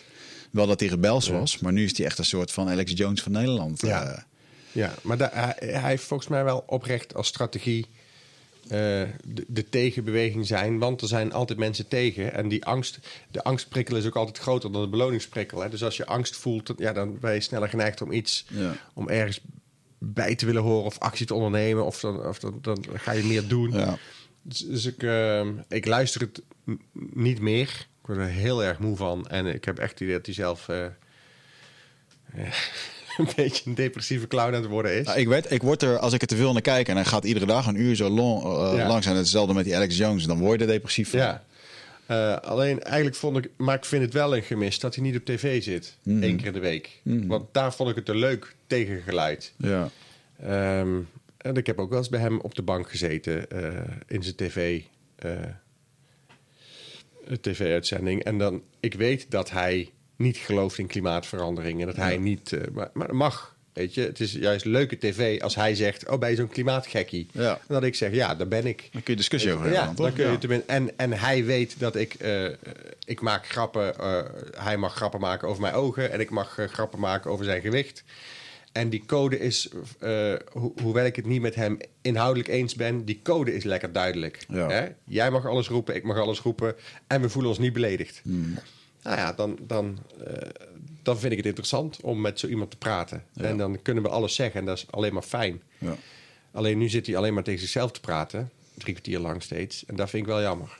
Ja, ja. ja, ik vind het ook af en toe een beetje te, te snel van mening. En, eh, maar het zit wel heel erg op het. eh, als, ik, als ik dan kijk, die Alex Jones, als ik, denk, ik vind het zo grappig. Het wordt nu echt tijd om eh, je Ja. prepkelder voor te zetten. En dan komt er weer een reclame tussendoor met eh 50 kilo oplosbaar voer wat Ja. je moet hebben. En dan zie ik hem helemaal zitten in die bunker in Texas, weet je wel, met zijn gun. En, ja. En niemand weet dit, maar ik heb ontdekt. Dus altijd jij hebt ontdekt. En de, de, media, de, de mainstream media pakt dit niet op. Ja. Waar hij wel, wel vaak gelijk. Hij verdient gewoon, het schijnt dat hij 30 miljoen per jaar verdient hè, met eh Ja? sponsordingen. En, eh, ja, maar gewoon, gewoon bereik. En, eh. Ook die heeft zijn filterbubbel. ja, en wat ik wel tof vind, is dat hij wel gewoon... eh, dat dat soort types het toch voor elkaar krijgen. Ehm, om gewoon een eigen mediakanaal neer te zetten wat impact heeft. Ja, Hoe je het ook bent of keert, of dat je er nu naar luistert of niet. Vind ik vet. ja. Weet je, er is toch eh, een hoop. Moet ook wel voor nodig. En zeker voor Jens, ik kan me voorstellen, man. Als je jarenlang in dat wereldje hebt gezeten, van Ja. Veilig, van RTL en Ons kent ons. ja. En eh, hoe die dat dan. eh, volgens mij heeft hij dat wel eens zo verteld dat hij in die laatste serie gewoon al had besloten van, nou, dit gaat het laatste seizoen worden. En eh, hier gaan mensen ontevreden van worden. Ik heb die afleveringen nooit gezien, want ik Ja. kijk al heel lang geen televisie meer. Maar ehm, ja, dat het gewoon niet werd geaccepteerd door. Televisie is ook een beetje dood aan het gaan, hè? ja. Volgens mij was het in 2018 of 2017. Eh, zei ik al in mijn oudejaars dat eh, er 5% per jaar minder gekeken wordt. Mhm. Ja, dan denk je, ja, ja joh, 5% boeien. Dat betekent dat in 10 jaar gewoon de helft minder mensen Ja. tv gaan kijken. En ik denk dat het nog sneller gaat, dat het niet eh, een rechte lijn is, maar dat het cumulatief afneemt. Dus dat het echt nu elk jaar meer mensen minder tv gaan kijken. Ja, terwijl ook wel natuurlijk wel weer nu mensen voor de tv hangen, een laptop op schoot hebben en een telefoon in de hand. Ja, maar dan, maar dan ben je op een andere manier tv aan het kijken. Ja. Ik, ik kijk, eh, eh, wat ik nog aardig vind om te kijken, dat is dan toch eh, het nieuws bijhouden. Dus dat is op één en eh Jinek. En misschien de vooravond of weet ik veel, om een beetje bij te blijven. Maar dat kijk ik echt nooit meer op het tijdstip dat het wordt uitgezonden. Ja. Ik zit of in de auto terug naar huis en dan Ah, zet zo, ik het, ja. eh, Ja. eh, dan luister ik het, eh, of, of ik ja, kijk het op een ander moment terug. Ja. Vind je van, wat vind je van Nienek? Want ik zie af en toe, ik zie alleen de highlights voorbij komen. Als er een keer iets spectaculairs wordt, zie ik het op Instagram voorbij komen of Ja. zo. Ehm, vind je van Jinek dat, want ene keer denk ik, wow, je stelt de juiste vragen, eindelijk, pit op tv. En soms dan denk ik, oh, dit is echt heel slecht. Waarom nodig je dit, bijvoorbeeld die Famke Jansen, of hoe heet het, die Famke Famke Louise, ja. Vond ik echt, vond Ja. ik gewoon, en dat- is gewoon, dat weet je, dat dit gaat gebeuren. Nou ja, het was, zij was ook letterlijk, s s'morgens om 11 uur werd al gezegd: Famke Louise is vanavond te gast. En toen, toen dacht ik om 11 uur s morgens al: ja, maar dat is gewoon, dat is gewoon een stuk vlees dat voor de leeuwen wordt gegooid. Ja. Hè, dit, dit- zij, zij kan totaal niet, geen weerstand bieden aan. Er zitten alleen maar zwaargewichten. er, zit, eh, zit de burgemeester van Abu Taleb. Nou, die kan heus wel discussiëren. Dan heb je Jinek er, o- er tegenover je zitten. Ja, dat ga je gewoon nooit redden. Nee. En het, het was bijna... Ja, op een gegeven moment kreeg ze van iedereen bijval. Van, maar wel moedig dat je hier zit. Ja, dat is ongeveer het ergste dat Ja. mensen kunnen zeggen. Ja. Van, ja, ja, ja we, we zullen je sparen. Dat was eigenlijk het idee. Ja, ja. Maar goed, eh, anderzijds heb ik er ook wel eens tegen die meneer die in de overheid zat en die allerlei had lopen declareren en die daar helemaal flipte en dat, dat ze toch wel echt ja, stevige vragen bleef stellen. Ja. Dacht ik, oké, nou dit eh, ja, vind ik goed dat je Ja. dat zo doet. Ja, maar daar, daar, en, maar daar gaat het dan ook, dus mediatechnisch gezien dan, hè? zij, zij ging op dat moment wel echt een beetje zuigen, want ze stelde echt drie of vier keer dezelfde vraag. En Henk Krol gaf volgens mij toch ook al echt drie of vier keer ongeveer hetzelfde antwoord. Ja. Eh, maar dat was ook zijn antwoord. Dus ja, als je dan de vierde keer zegt: Ja, maar ik heb het niet gedaan. Hè, en je flipt een beetje. Roep, pats, voorpagina, Ja. clickbait, Henk Krol woest. Ja. Weet je, ik, ik was zelf twee dagen geleden, vond ik ook dat ik iets moest zeggen over alle theaters in Nederland. Ja, shownieuws gaat echt niet zeggen. eh, Guido en zijn ehm, eh, en zijn rationele mening over Ja. wat hij vindt van theaters. Nee, die zeggen ook Guido Wijers is woest. Ja. Ja, en, en dan, dan ben ik van nature geneigd om dan als ik zoiets plaats op Instagram te zeggen, nou, ik was niet woest, maar ik vind er wel iets van. Maar dat punt ben ik nu eigenlijk ook wel voorbij. Ja, nou ja, weet je, zet er maar bij dat het woest is. Wordt het misschien Ja. meer bekeken. Ja. Ja. boeien inderdaad. Ja. Ja. Maar ik kan- eh, ik kan me wel voorstellen dat als je niet... eh, nou, ik heb het zelf bij RTL Late Night gehad. Dat, eh, dat ik nu op internet sta met... we gaan een hele grote joint opsteken. Ja. Omdat Humberto aan mij vroeg van zit je dan niet de hele dag... Het lijkt er een beetje op dat je de hele dag bij de Ja. Indianen dat heeft gezegd. Ik heb het niet gezegd, weet je Nee. wel. Maar er zit daar wel gewoon een stagiaire van 17 jaar die zegt... eh, Ja. oh, ik moet clickbait, doe dit wel, Ja. weet je. Ja. Dus ja, het is wel... eh, maar goed, dat is de moderne media. Ja, maar het, het is ergens wel kwalijk. Maar ik vind dat Jinek doet het goed. Jinek is ook nog steeds eh Jinek, dus is kritisch en zo. En ik vind het eigenlijk oprecht, vind ik een van de hoogtepunten van afgelopen jaar. Eh, toch Danny Vera, die eh, een liedje zingt voor zijn eh, nog ongeboren kind. Die zit, want ik, heb, ik, kijk niet zo, ik kijk niet alles terug, maar ik zag laatst wel dat Jinek in tranen door Danny Vera. Nou, denk ik, oké, even terugkijken, want ik vind Danny Vera een ontzettend sympathieke gast. En eh, Danny Vera en zijn vriendin hebben jarenlang erover gedaan om, om een kind te kunnen krijgen. Ja. Nu, nu is zijn vriendin eindelijk zwanger. Dus groot feest. En eh, hij, hij zou eigenlijk een ander liedje spelen aan tafel met zijn gitaar. En hij zei, ja, maar ik heb afgelopen week ook een liedje gemaakt voor mijn ongeboren kind. En eh, ja, mijn vrouw weet thuis ook niet dat ik tegen ga spelen. Maar, dus ik ben extra zenuwachtig. Ja, mooi. En Danny Vera speelt dat. Ja, het liedje gaat door merg en benen. En je, je, dat- ik zou zelfs nu tranen in mijn ogen kunnen krijgen door eraan terug te denken. Want je gunt hun dat geluk zo, zeg Ja. maar. En Danny Vera kan dan ook nog super mooi zingen. Ja. Dus eh, ja, als, als dan Jinek het wel toestaat om daar ook emotioneel mee te gaan... ja, dan is uiteindelijk de conclusie dat als iets heel authentiek is... en heel puur en breekbaar, dat vind ik weer top tv. Ja, ja, dat is wel top tv. Maar dan vraag ik me af... Is Jinek, is Jinek dan authentiek in de zin hoe dat ze daar zit? Of heeft ze het... ehm, het ja, of heeft ze daar een eh, soort van two-face die ter plekke de een of de andere kant Nee, op kan ik- ik- denk Of is dat echt media, een masker? Ik, nee, ik denk dat, dat eh, Jinek is nu twee of drie jaar moeder. Mhm. Dus ik denk als je ditzelfde had gedaan vier jaar geleden, toen zij geen moeder was, had zij daar niet zitten huilen. Hmm, ja. Maar simpelweg door het feit dat ze nu weet hoe het is om moeder te zijn, dat ze nu anderen dat. Ja, dat is ook maar mijn eh, psychologie van de koude grond, hè? Dat ik dat denk, dat ze nu daar oprecht wel iets bij voelt. Ja. Ja. Dat hoop ik. Die eierstokken hebben er gevoelig gemaakt. Nou ja, ik denk oprecht. Ik de- denk dat, dat jij dat ook ervaart. Dat jij ook eh, nu misschien wel geraakt of ontroerd bent door dingen waar, waar je tien Ja. jaar geleden dacht je, boeien, ik, Ik- overleef en de rest is onbelangrijk. Eh, ik heb dat heel erg maar met de komst van mijn dochtertje gehad. Dat, ehm, heb vorig jaar een, een open brief aan Rutte geschreven. En dat ging toen ook over hoe Nederland ehm, eh, bezig was met eh, vernietiging van Amazon. En bijdrage Ja. met bedrijven en dingen. En, eh, dus ik veel gedeeld. Ook, ja, go- goede brief. Maar daarin schreef ik, ik, ik ging er even vanuit dat hij kinderen had. Want dat bleek dus achteraf niet zo te zijn. Nee. dus dat heb ik toen gewijzigd. Maar daarin dacht ik wel van ja, ik heb dat ook wel eens gezegd. Je hoort wel eens van die vaders, ja, als je straks kinderen hebt, dan is dat allemaal anders. En dan denk je er anders over na. En, en, dan- en dan dacht ik, ja, ik begrijp je wel, maar je begrijpt het niet. Nee. Als je geen kinderen hebt, dan begrijp je dat niet. En als je kinderen hebt, dan zal je zeggen, ah ja, inderdaad. En, en ja, dus ik eh, geloof wel dat... eh, Nou, ik, ik heb ook ooit. eh, ik heb voor heel veel politieke partijen.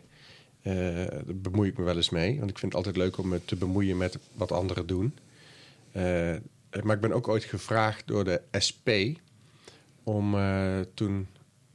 ehm, zat Emiel Roemer nog. eh, die ging toen nog een grote verkiezingswinst halen, dacht iedereen. ja, ja, ja. En op een congres of ik dan even tien minuten wilde spreken. Want Emiel Roemer en ik zijn in hetzelfde dorp geboren. Dus hij was jarenlang wethouder in het dorp waar ik geboren ben. Dus ik kende Emiel vanuit Boksmeren. Ik zei, prima, doe ik. Ik zei maar, ik wil wel op jullie congres eh, de vrijheid voelen om te zeggen dat ik niet SP stem. Ja. Geen probleem. Eh, je mag ook zeggen wat je wil. Maar leuk, eh, leuk als je dat wil doen. Ja. Dus ze vertrouwden me ook wel dat ik, dat ik niet uh, Emil Roemer helemaal kapot ging maken. Maar dan had ik wel ergens het zinnetje van... dat, dat je ziet dat mensen... Emiel Roemer komt uit een gezin van zes. Dus ze, waren vroeger met zes of, of misschien wel met acht thuis. Dus Emiel Roemer is heel erg gewend om te delen. Ja. Die moest vroeger altijd zijn speelgoed delen en alles moest samen leuk maken en zo. Mark Rutte is enigst kind. zei ik er dan achteraan. Ja. En eh, dus, dus wat jij zegt, Mark Rutte heeft geen kinderen. Ja, ook dat. Ik vind Mark Rutte een prima manager. Ja. Dus hij runt het land prima. Maar als je het echt hebt over iemand die over 50 jaar het beste voor deze wereld wil, Ja. dan, dan denk ik toch bijna dat je een soort vader moet hebben die het beste wil voor zijn kinderen. Dus eigenlijk, en als jij het hebt over, eh, we hebben nu de twee, zijn dit de twee beste mensen die in Amerika aan het roer kunnen staan? Dan denk ik, ja, waarom wordt David Attenborough niet Ja. president van de wereld? Ja. Gewoon iemand die, eh, hij is te oud voor de functie waarschijnlijk. hè? 94. Nou, hij zou ook een soort vice kunnen hebben. En dan, eh, Ja, maar gewoon iemand die, die even zegt: Oké, wat is nu echt het allerbelangrijkste op dit moment? Dat is misschien dat we de plek waarop we leven. En dat we ook over 50 jaar nog te eten hebben. Dat we misschien met te veel mensen zijn. En dat we onszelf iets minder belangrijk moeten maken. En dat op een vaderlijke, lieve manier. daar de hele wereld van kunnen overtuigen. Dat zou toch wat zijn. Ja, Jan de Lauw, Jan de Lauw is ook al mooi, ja. Ja. Die, eh, ja. ja, ik vind, eh, en, eh, ik zat laatst vorige week, twee weken geleden nog in een zweethut. En daar hadden ze ook weer van die mooie mythologieën van de Lakota-Indianen die dan ehm, het, getal, het nummer zeven. Ze kwamen ook met zeven mensen op de wereld uit de grot gekropen. en daar- en, maar ook als, je, als zij beslissingen maakten, dan hebben ze daar een vuur. Dat heet het Children's Fire. En als er een beslissing wordt gemaakt, dan staat dat vuur garant voor de kinderen. En dan wordt er ook de vraag gesteld: oké, welke impact heeft deze beslissing op de zeven generaties na ons? En de generatie is ongeveer 20 jaar. Dus dat is eh, 140, 140 jaar na ons. Als ze dat in de Tweede Kamer zouden vragen, dan Ja. heb je toch echt wel hele andere beslissingen. Ja, maar ja, je wordt natuurlijk over, je wordt afgerekend eh, per vier jaar. Ja, precies. En eh, sterker nog, waarschijnlijk per drie jaar. Want het laatste jaar beginnen er weer nieuwe verkiezingen. Dat niet dus dan mee, ben je al niet meer bezig met eh, uitvoeren. Eh, dus, dus iedereen is alleen maar op korte termijn eh, bezig. En eh, ja, als je mensen vandaag een koekje geeft, maar je zegt er niet bij dat ze daar eh, de komende zes jaar dik van worden. Ja, dan eh, ja, is het ook nog helaas zo dat mensen toch vaak kiezen voor vandaag het koekje. Ja. ja. Hoeveel eh, tijd heb jij nog? En hoe heb Krijg ik je wegtrekken? Nee, ik zit, nee, ik zit te denken. Ik heb dorst, dus ik ga sowieso drinken pakken. Maar we zitten op half vier, dus we hebben ook nog even. Toch? Half vier. Ja, vier. Moet je weg. Ik heb geen idee. Ja, ik wil wel eh, voor vier uur de deur uit zijn. Ah, dan hebben we nog eventjes goed. Want ik, eh, als ik om vijf uur in eh Pak wel even een watertje. Wil jij nog wat? Veenendaal ben. Ik heb dorst. Ik wil ook wel een watertje.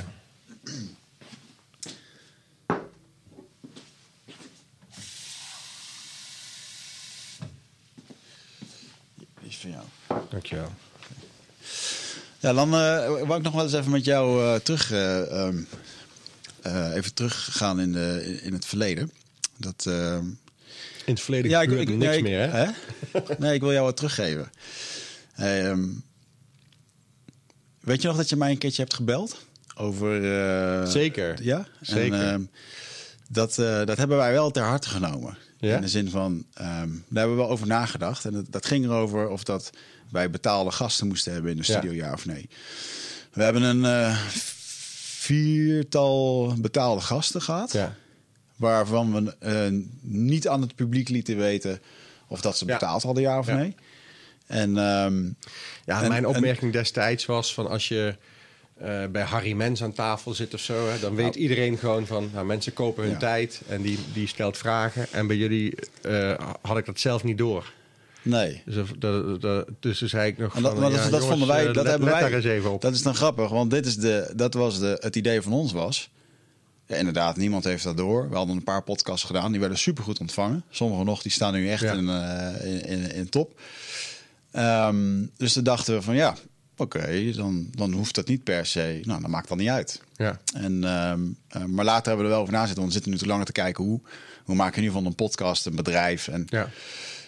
Uiteindelijk kom je dan toch op een. eh, dat was een beetje de tweesplitsing. Oké, wanneer ga je dan wel geld vragen, wanneer niet en zo. Dus daar, eh, op een gegeven moment hebben we wel mede, dankzij jouw directe belletje, waar we toen wel even discussie over hebben gehad. Want ik ging natuurlijk in de verdediging over ons fantastische idee, waar we eindelijk een keertje wat geld konden verdienen. Ja, ja. Maar eh, anderzijds hebben we toen wel bedacht van ja, oké, als we het dan nu doen, dan, dan moet het gewoon transparant. En toen hebben we eh, vrij kort daarna hebben we de, eh, een crowdfunding gelanceerd en gewoon gezegd van joh, je kan gewoon een plek kopen. Ja. En, eh, en dan is het ook van hey, tof dat je de show sponsort. Je zit nu hier Ja. en dan laat je verhaal doen. En dat is Ja, en, en als je dan vooraf zegt, wij vinden nog steeds dat je alles moet kunnen vragen en we mogen je het vuur aan de schenen leggen, dan kun je nog steeds kritisch zijn en, en een mooi gesprek hebben. Ja. Maar dan voelt het niet, het hoeft niet per se meteen een gesponsord item te voelen, zeg maar. maar je Nee, het nee. wel benoemen. Nee, maar dat was nu, de, nu is het Ja. dus inderdaad een manier. Hey, je hebt gewoon een aflevering gekocht. Vet dat je ons support. Weet je? Ja. En, eh, en dan kunnen we nog steeds een goede discussie hebben over dingen. Eh, maar ik, ehm, ja, wat ik dan wel weer uniek vind, is dan toch de. ehm, je belt mij gewoon een keerje op een middag en je vertelt dat gewoon zo. Echt met een soort van: ik ga je gewoon even vertellen waar ik het niet mee eens ben. Ja. En dat vind ik wel weer uniek, weet je wel. Dat is wel weer ook wel weer Guido. Maar, Ja, maar ja. je- kijk, en, en dan mag je dan uiteindelijk zelf mee doen wat je wil. Weet je, alleen, en het is ook gewoon, eh, ik kan me soms eh, storen aan dingen en, dan, kan, en dan, dan vraag ik mezelf af, ga ik me hier aan blijven storen? Of zorg ik dat het in ieder geval bij mezelf weg is? En eh, dan is mijn eh, idee gewoon, al, afgelopen of een paar weken terug, heb ik, zag ik ook weer dingetjes voorbij komen bij iemand die ehm, eh, grote events organiseert. En die is op heel detailniveau is die zijn event aan het promoten. Ja, en dan stuur ik ook gewoon een mailtje dat ik denk... ja, maar jij bent de baas van het bedrijf. Als ik jou was, zou ik je medewerkers laten praten over de details... en zou ik eh, toch als baas bij de inhoud van jouw sprekers... of van jouw dingen blijven, zeg maar. Dus eh, ja, en dan, dan kan het best zijn dat die gast denkt... hé, hey, waar bemoei jij je mee? Ja. Flikker op, Ja. krijg de tyfus. Ja. Of hij denkt, ja, nou ja, niemand durft het te zeggen, maar ja, misschien heeft hij wel gelijk. Of niet. Dat is een beetje die filterbubbel waar het ook eh, niemand zegt tegen Trump. eh, weet je, Ja. iedereen om Trump heen zal Trump naar de mond praten. Iedereen om jullie heen zal ook zeggen dat jullie het goed doen. Ik hoop oprecht dat mensen tegen mij ook eerlijk zijn. Ja. Alleen ik merk ook dat heel veel mensen een bepaald belang hebben, dus dan ook maar ja knikken naar degene waar ze eh, Ja. van eten of zo. Maar dat is niet wat je wil. Je wil juist beter worden of je wil. dus, ik, dus ik roep gewoon me altijd. Alle... Ik heb ook wel eens eh, eh, eh, mensen uit de politiek letterlijk gemaild eh, of eh, geappt van. eh, ik denk dat wat je nu aan het doen bent nog beter kan. Ja. Heb je genoeg nee-knikkers om je heen? Hmm. En het is toch grappig dat die mensen dan zeggen... de mensen om me heen zijn kritisch... maar als jij denkt dat het beter kan... wanneer doen we koffie? Ja. Eh, dus ja... En andere mensen zouden zullen denken... Guido, wat bemoei je mee? Ja. Ja. Maar dat is dus een beetje de tweesplitsing. Want ergens gooi je eventjes de knuppel in een hoenderhok. Ja. En ik heb ook de gedachte gehad. eh, fuck, ja, Guido Weijers heb ik hoog zitten. Die vindt hier wat van. Vind ik irritant. Anderzijds, waar bemoeit hij zich mee, man? Dan moet Ja. toch zelf geld mee kunnen verdienen? Ja, hij verdient zelf ook geld. Hij, hij, verdient, hij verkoopt meer kaartjes door ons. Zo, weet je wel? en dan ga je zo alles goed voor jezelf lopen praten. Uh, maar uiteindelijk moet je dan toch het eventjes uh, laten zakken. En dan er nog een paar keer over nadenken. En dan, uh, Ja, het is, dan het is, het, het is wel... nergens een persoonlijk... eh, het is nergens een persoonlijk ding, zeg maar. Maar het het zijn... ehm, ja, weet je, al- als een collega van mij nu een tv-programma aangeboden krijgt... en, die, en die zegt, eh, ja, ik kan met eh, schapen op eh, de hei gaan lopen... samen met, weet ik veel, voor SBS. Ja, dan, als ik dat hoor dat hij dat aangeboden krijgt... Ja, dan stuur ik hem even een appje... En dan zeg ik, ja, tof, kun je doen. Mijn ervaring is dat ja, je dan waarschijnlijk wel de komende vier jaar te horen krijgt... oh ja, van dat programma Ja. eh, met die schapen op de hei van SBS. Ja. Doe ermee wat je wil, maar dat is waar ik erbij denk. Ja, ja. Ja, en dan is het toch zo, dan is, ook is er natuurlijk iets van, waar bemoei je je mee, weet je wel? Ja. Want hoe, Ja, ja, is ook zo. Het, het is natuurlijk jouw, eh, eh, ja.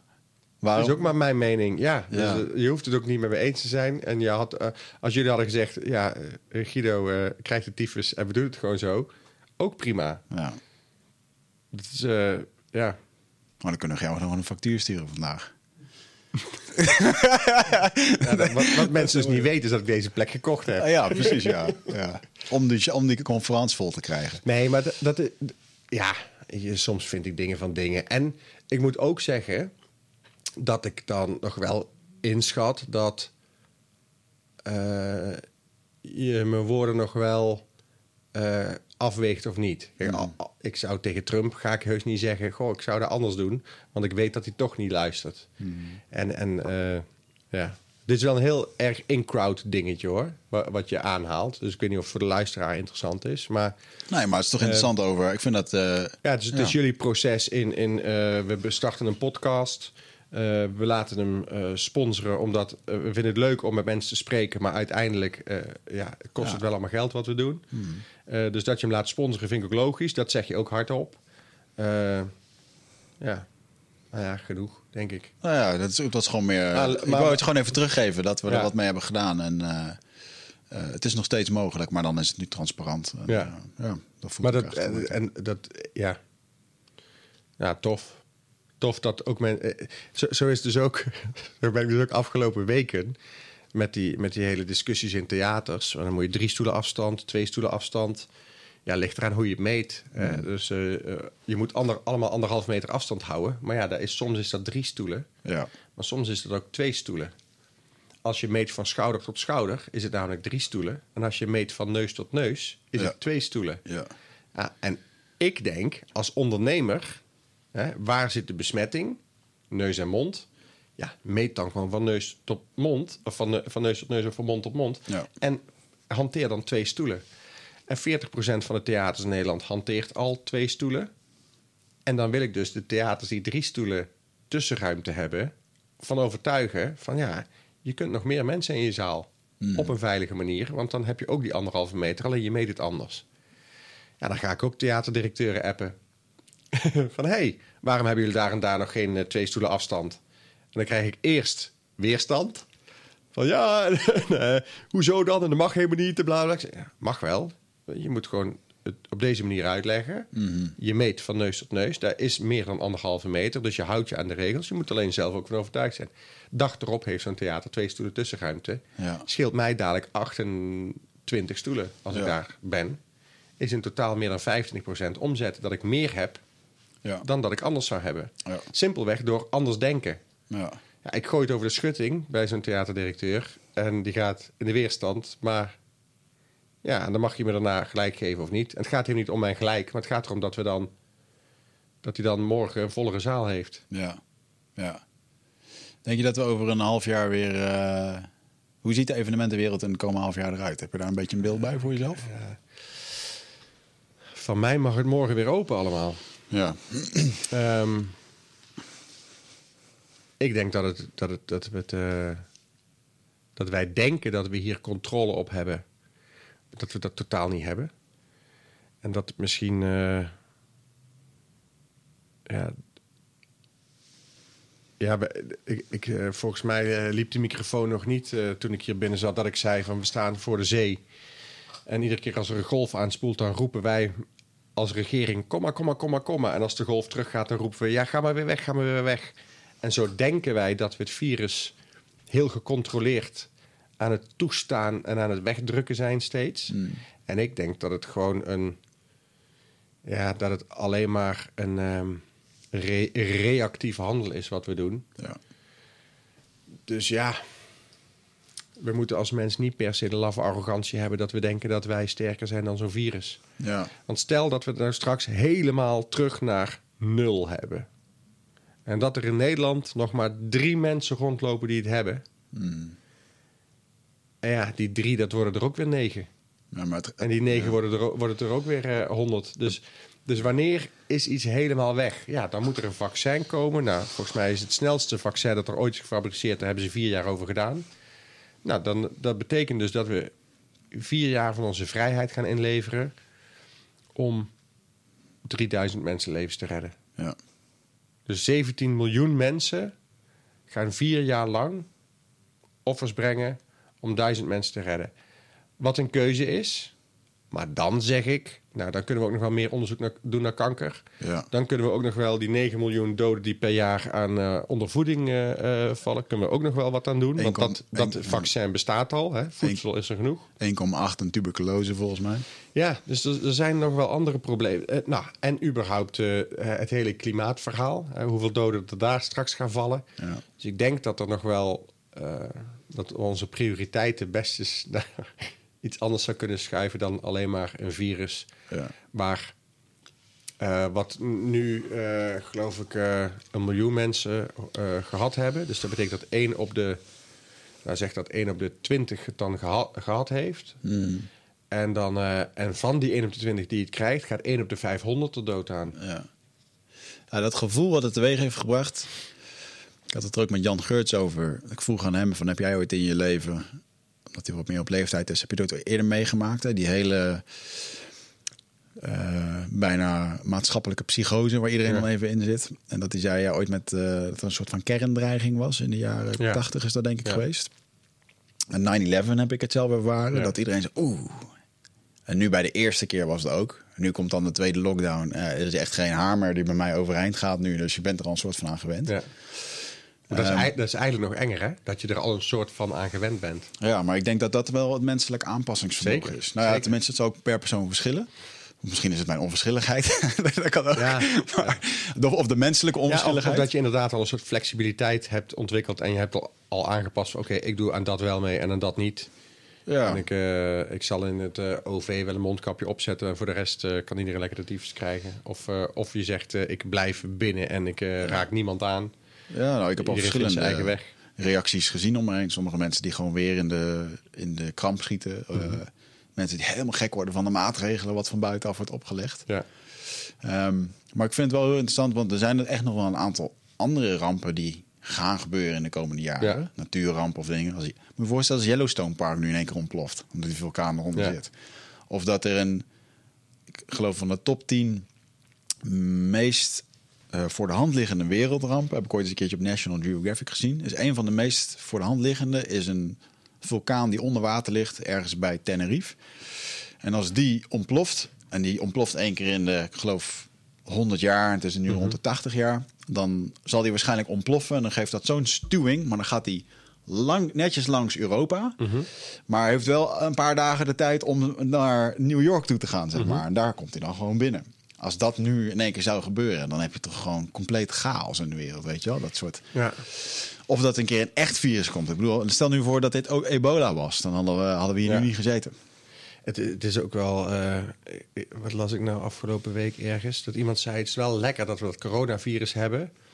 Want nu hoeven we ons niet druk te maken om de smeltende poolkappen... waardoor Nederland binnen een paar jaar eh, drie meter onder water Ja, staat. dat is ook nog zo'n ding, ja. Dan dacht ik, oh ja, en dat, dat is er ook nog. Denk ik ook te weinig over na. Moeten we nu niet doen, maar daar ben ik Nee. ook te weinig mee bezig. Ja. Nou ja, en ik weet ook niet of eh, alles zal misschien... De soep wordt minder heet gegeten dan dat die wordt opgediend. Misschien is het ook allemaal minder erg. En over 100 jaar zijn we sowieso allemaal dood en... eh, ja, na onze zonvloed. Maar dat zou best eens eh, echt zo kunnen zijn. Na Ja. onze zonvloed. Ja.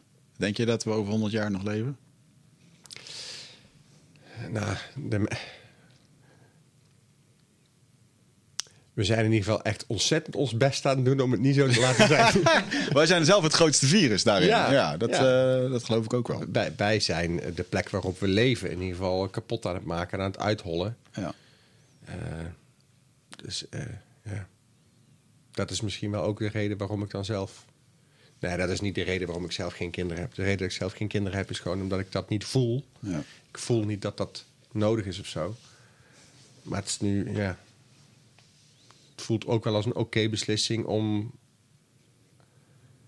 Omdat ik ook niet weet waar je iemand neerzet. Tegelijkertijd kun je ook zeggen: ja, het is nog steeds een prachtige wereld. Er is Ja. nog steeds genoeg om wel van te genieten. Dat is weer mijn. eh, Ja, mijn, eh, de moderator die wil bemiddelen. hè? mijn, ehm, mijn manier van daarmee omgaan is door te zeggen dat eh, je bent wel verantwoordelijk voor je kinderen, maar ook weer niet. Dus ja, ik ga gewoon mijn best doen om mijn dochter de beste opvoeding te geven. En haar- haar goed mens zo goed mogelijk op te voeden. Ja. Op te voeden. Maar eh, uiteindelijk ja, doet ze, maakt ze zelf ook gewoon beslissingen. En eh, Ja. is het van moeder aarde. Ja, nou, Ja, nou, dat is natuurlijk wel. Ja. Zo zie ik het wel een beetje. Maar je zou toch best kunnen zeggen dat het, dat het misschien wel oké is als er gewoon wat minder mensen op deze wereld zouden zijn. nou, ik denk dat Hè, we... dus Het is geen, geen eh, eh, goed politiek standpunt. Hè, want je hebt veel stemmen nodig. Dus je moet meer mensen creëren. Je moet je eigen achterban altijd juist laten groeien. Ja. En zoals de kerk ook doet. Hè, je moet, eh, die, die zegt juist, je moet meer kinderen krijgen. Want dan worden er meer mensen katholiek. En dan, dan groeit hun eigen achterban.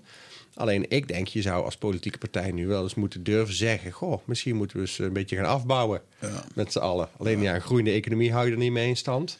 Dus daar kom je in de knel. En de vraag is, wie moet er weg? Nou, Wiggert, kom er maar in. Wie moet er weg? Ja. Ja. Nee, niet ja. Eh, namen, rugnummers. Ja, ik kan wel een lijstje maken hoor. Ja? Nee.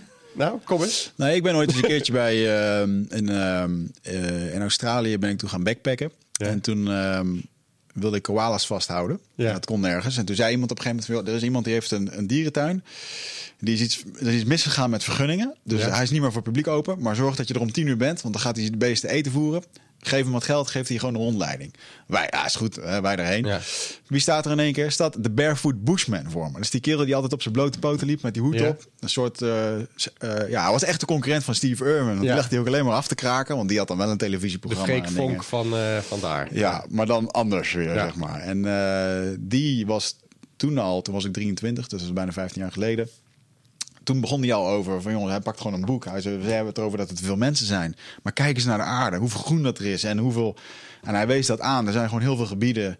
Ja, daar willen wij niet zitten, maar daar zouden we wel kunnen wonen. Want Mhm. iedereen wordt natuurlijk naar die stad toe gedreven. En daarom, ja, ik vind dat wel een, dat is een enge afhankelijkheid. Want straks Ja. is het dus iedereen afhankelijk. Niemand kan meer een aubergine telen in zijn eigen achtertuin. Nee. Dus ehm, zijn er te veel mensen op de aarde? Hm, denk het niet. Ik denk dat we dat verkeerd inschatten nu. Maar we gaan wel naar een situatie toe waarbij we, waarbij we het niet meer eh, houdbaar maken voor onszelf. Ik denk dat we gewoon te veel grondst. Ik denk dat er zeker te veel mensen zijn. Dat we te veel grondstoffen opmaken, te veel plastic eh, afval hebben. Ja. Dat we eh, de aarde aan het leegpompen zijn en de lucht vervuilen. 100 procent, ja. ja. Dus we zijn en als we met de helft van de mensen zouden zijn, dan zou, dan zou het beter in balans Ja, zijn. ja, Dus zeker, ja. Ik, ja. Ik zou toch zeggen allemaal maximaal één kind. En dan eh, over eh 30 jaar nog maar eens opnieuw beslissen. ja.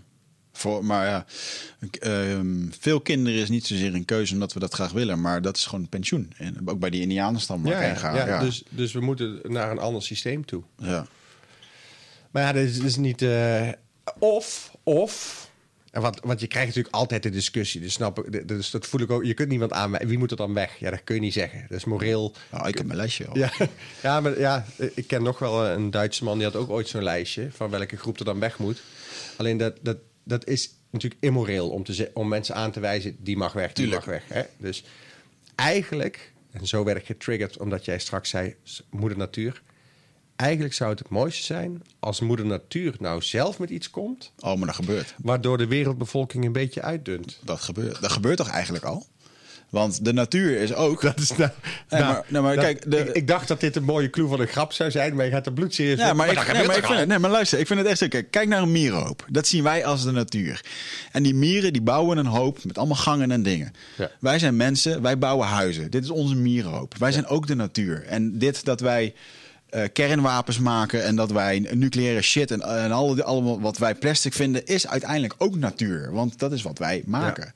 En ehm, ja, uiteindelijk vernietigen. eh, het- Er gebeurt iets waardoor we te dicht op elkaar wonen, waardoor we ziek worden en allemaal.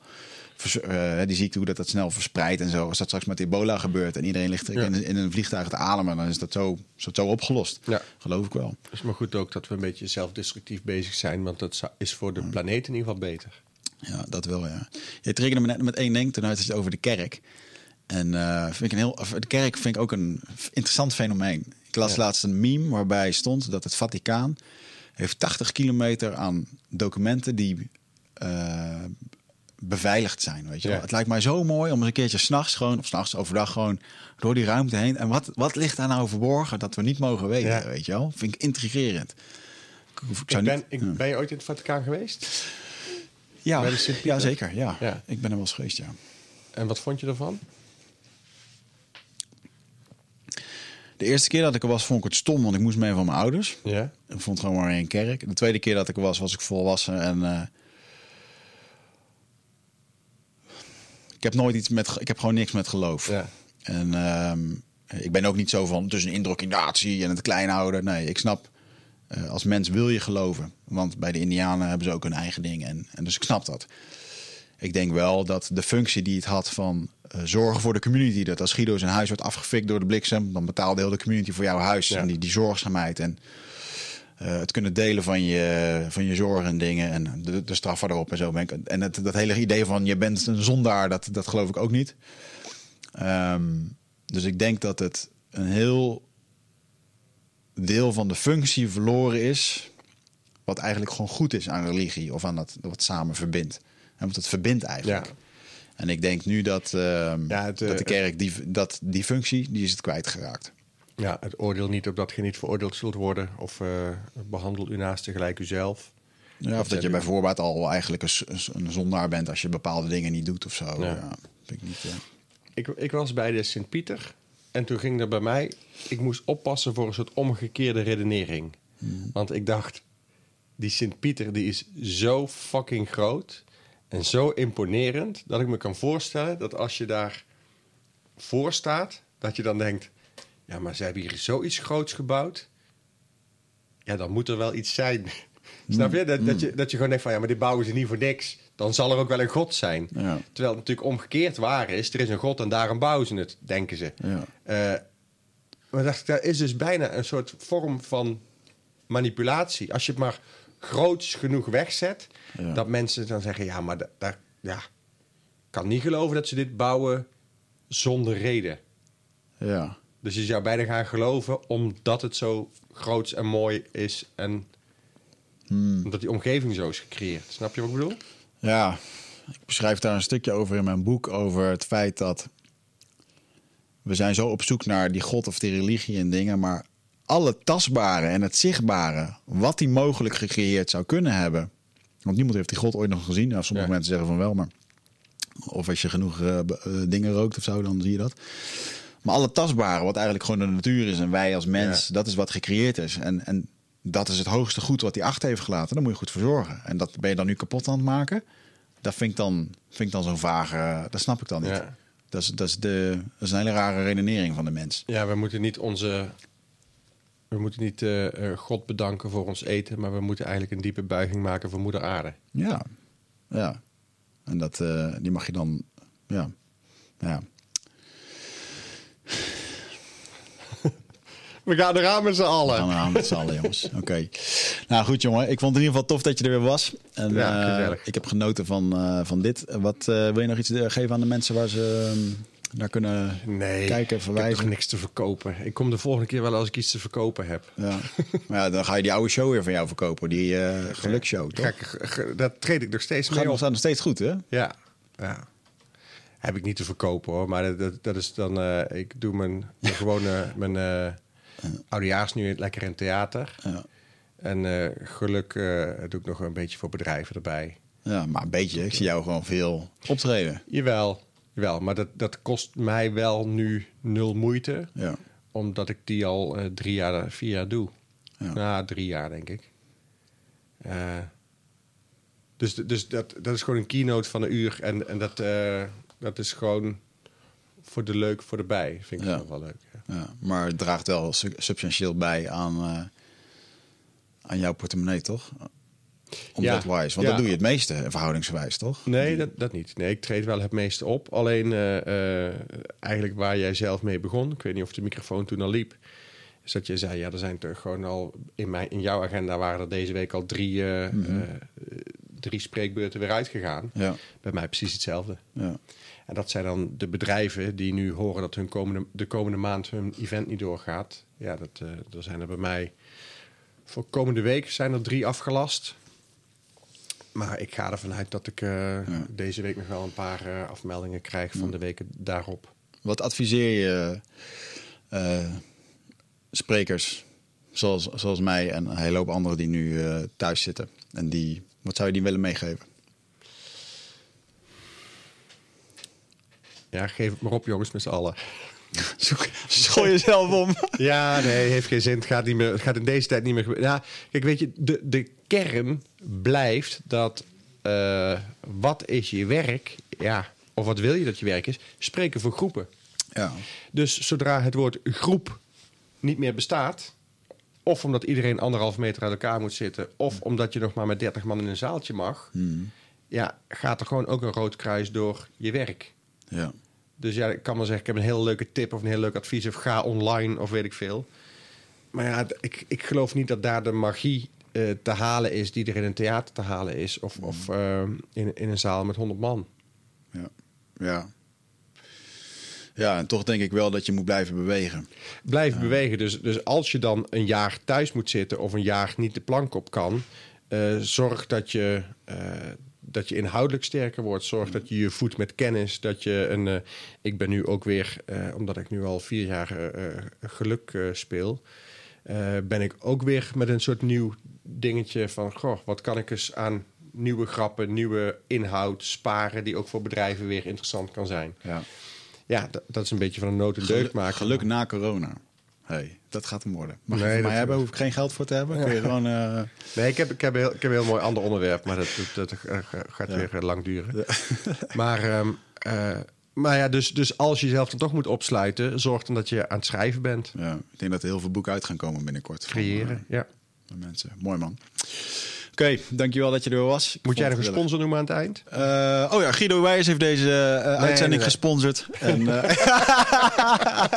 Hoeft er niet. Je had, je, toch ook, je had toch een extra bumper Ja, afgenomen? nou, wil ik, wil ik nou ook... nee. Nee, nee, jij wou niet betalen, dus je hoeft ook niet te betalen. Je bent altijd welkom. Maar, nee, maar dat de, want je hebt een mooie truitje aan. Eh, doen we alleen aan het begin. Dus Oké. eh, mooi jasje, truitje, weet je, alles. Ah, ja. En eh, dat is gewoon de deal. Dat dus, eh, ja. Maar we hebben, wel, we hebben wel iets heel vets. Dat wil ik je dan wel meegeven. Dat is ook leuk voor podcastend Nederland misschien. Is dat wij, ehm, of eigenlijk voor, niet voor podcastend Nederland, gewoon voor sponsoren. Nu is het zo dat Mart Martinique sponsort deze podcast. Die gaat online en maar mensen luisteren dat. Maar over twee jaar luisteren mensen dit ook nog wel. Ja. Eh, nu gaan we iets bedenken eh, waarbij er als het ware een laag overheen wordt gelegd. En dat we kunnen zeggen, oké, die podcast waar Guido als eerste was... daar kunnen we een, een sponsor message overheen plakken... die vandaag geluisterd wordt en wordt gezegd... hey, morgenavond in Os eh, speelt hij de oudejaarsconferentie, koop je ticket. En dan kunnen we dat voor een week, voor een moment kunnen doen. En dan wordt het echt, dan wordt het vet. Ja. En dan, dan zeg ik, sponsoren, kom maar door. Kom maar ja, door. dus als je een actuele aanleiding hebt of een... Of een Nou ja, in principe kunnen we dan zeggen, joh, je, je kan gewoon sponsor zijn eventjes van alle podcasts, de afgelopen 200, die eigenlijk nog wel meer gedownload worden dan de nieuwste van deze week. Ja, precies. Dus dat is wel heel sterk. En je kunt heel specifiek je doelgroep uitzoeken natuurlijk. Exact, Als je zegt, ik wil alleen maar bij de aflevering van André Kuiper. Ja, dan kun je daar je boek over de ruimte verkopen. Ja, Ja, ja dat is slim. dus, eh, dus ja, dat wou ik even verkopen hier op het einde. Nieuwe wegen. Ja, nieuwe wegen. Lieve luisteraars, dankjewel. Guido, jij ook. En eh, tot een volgende keer.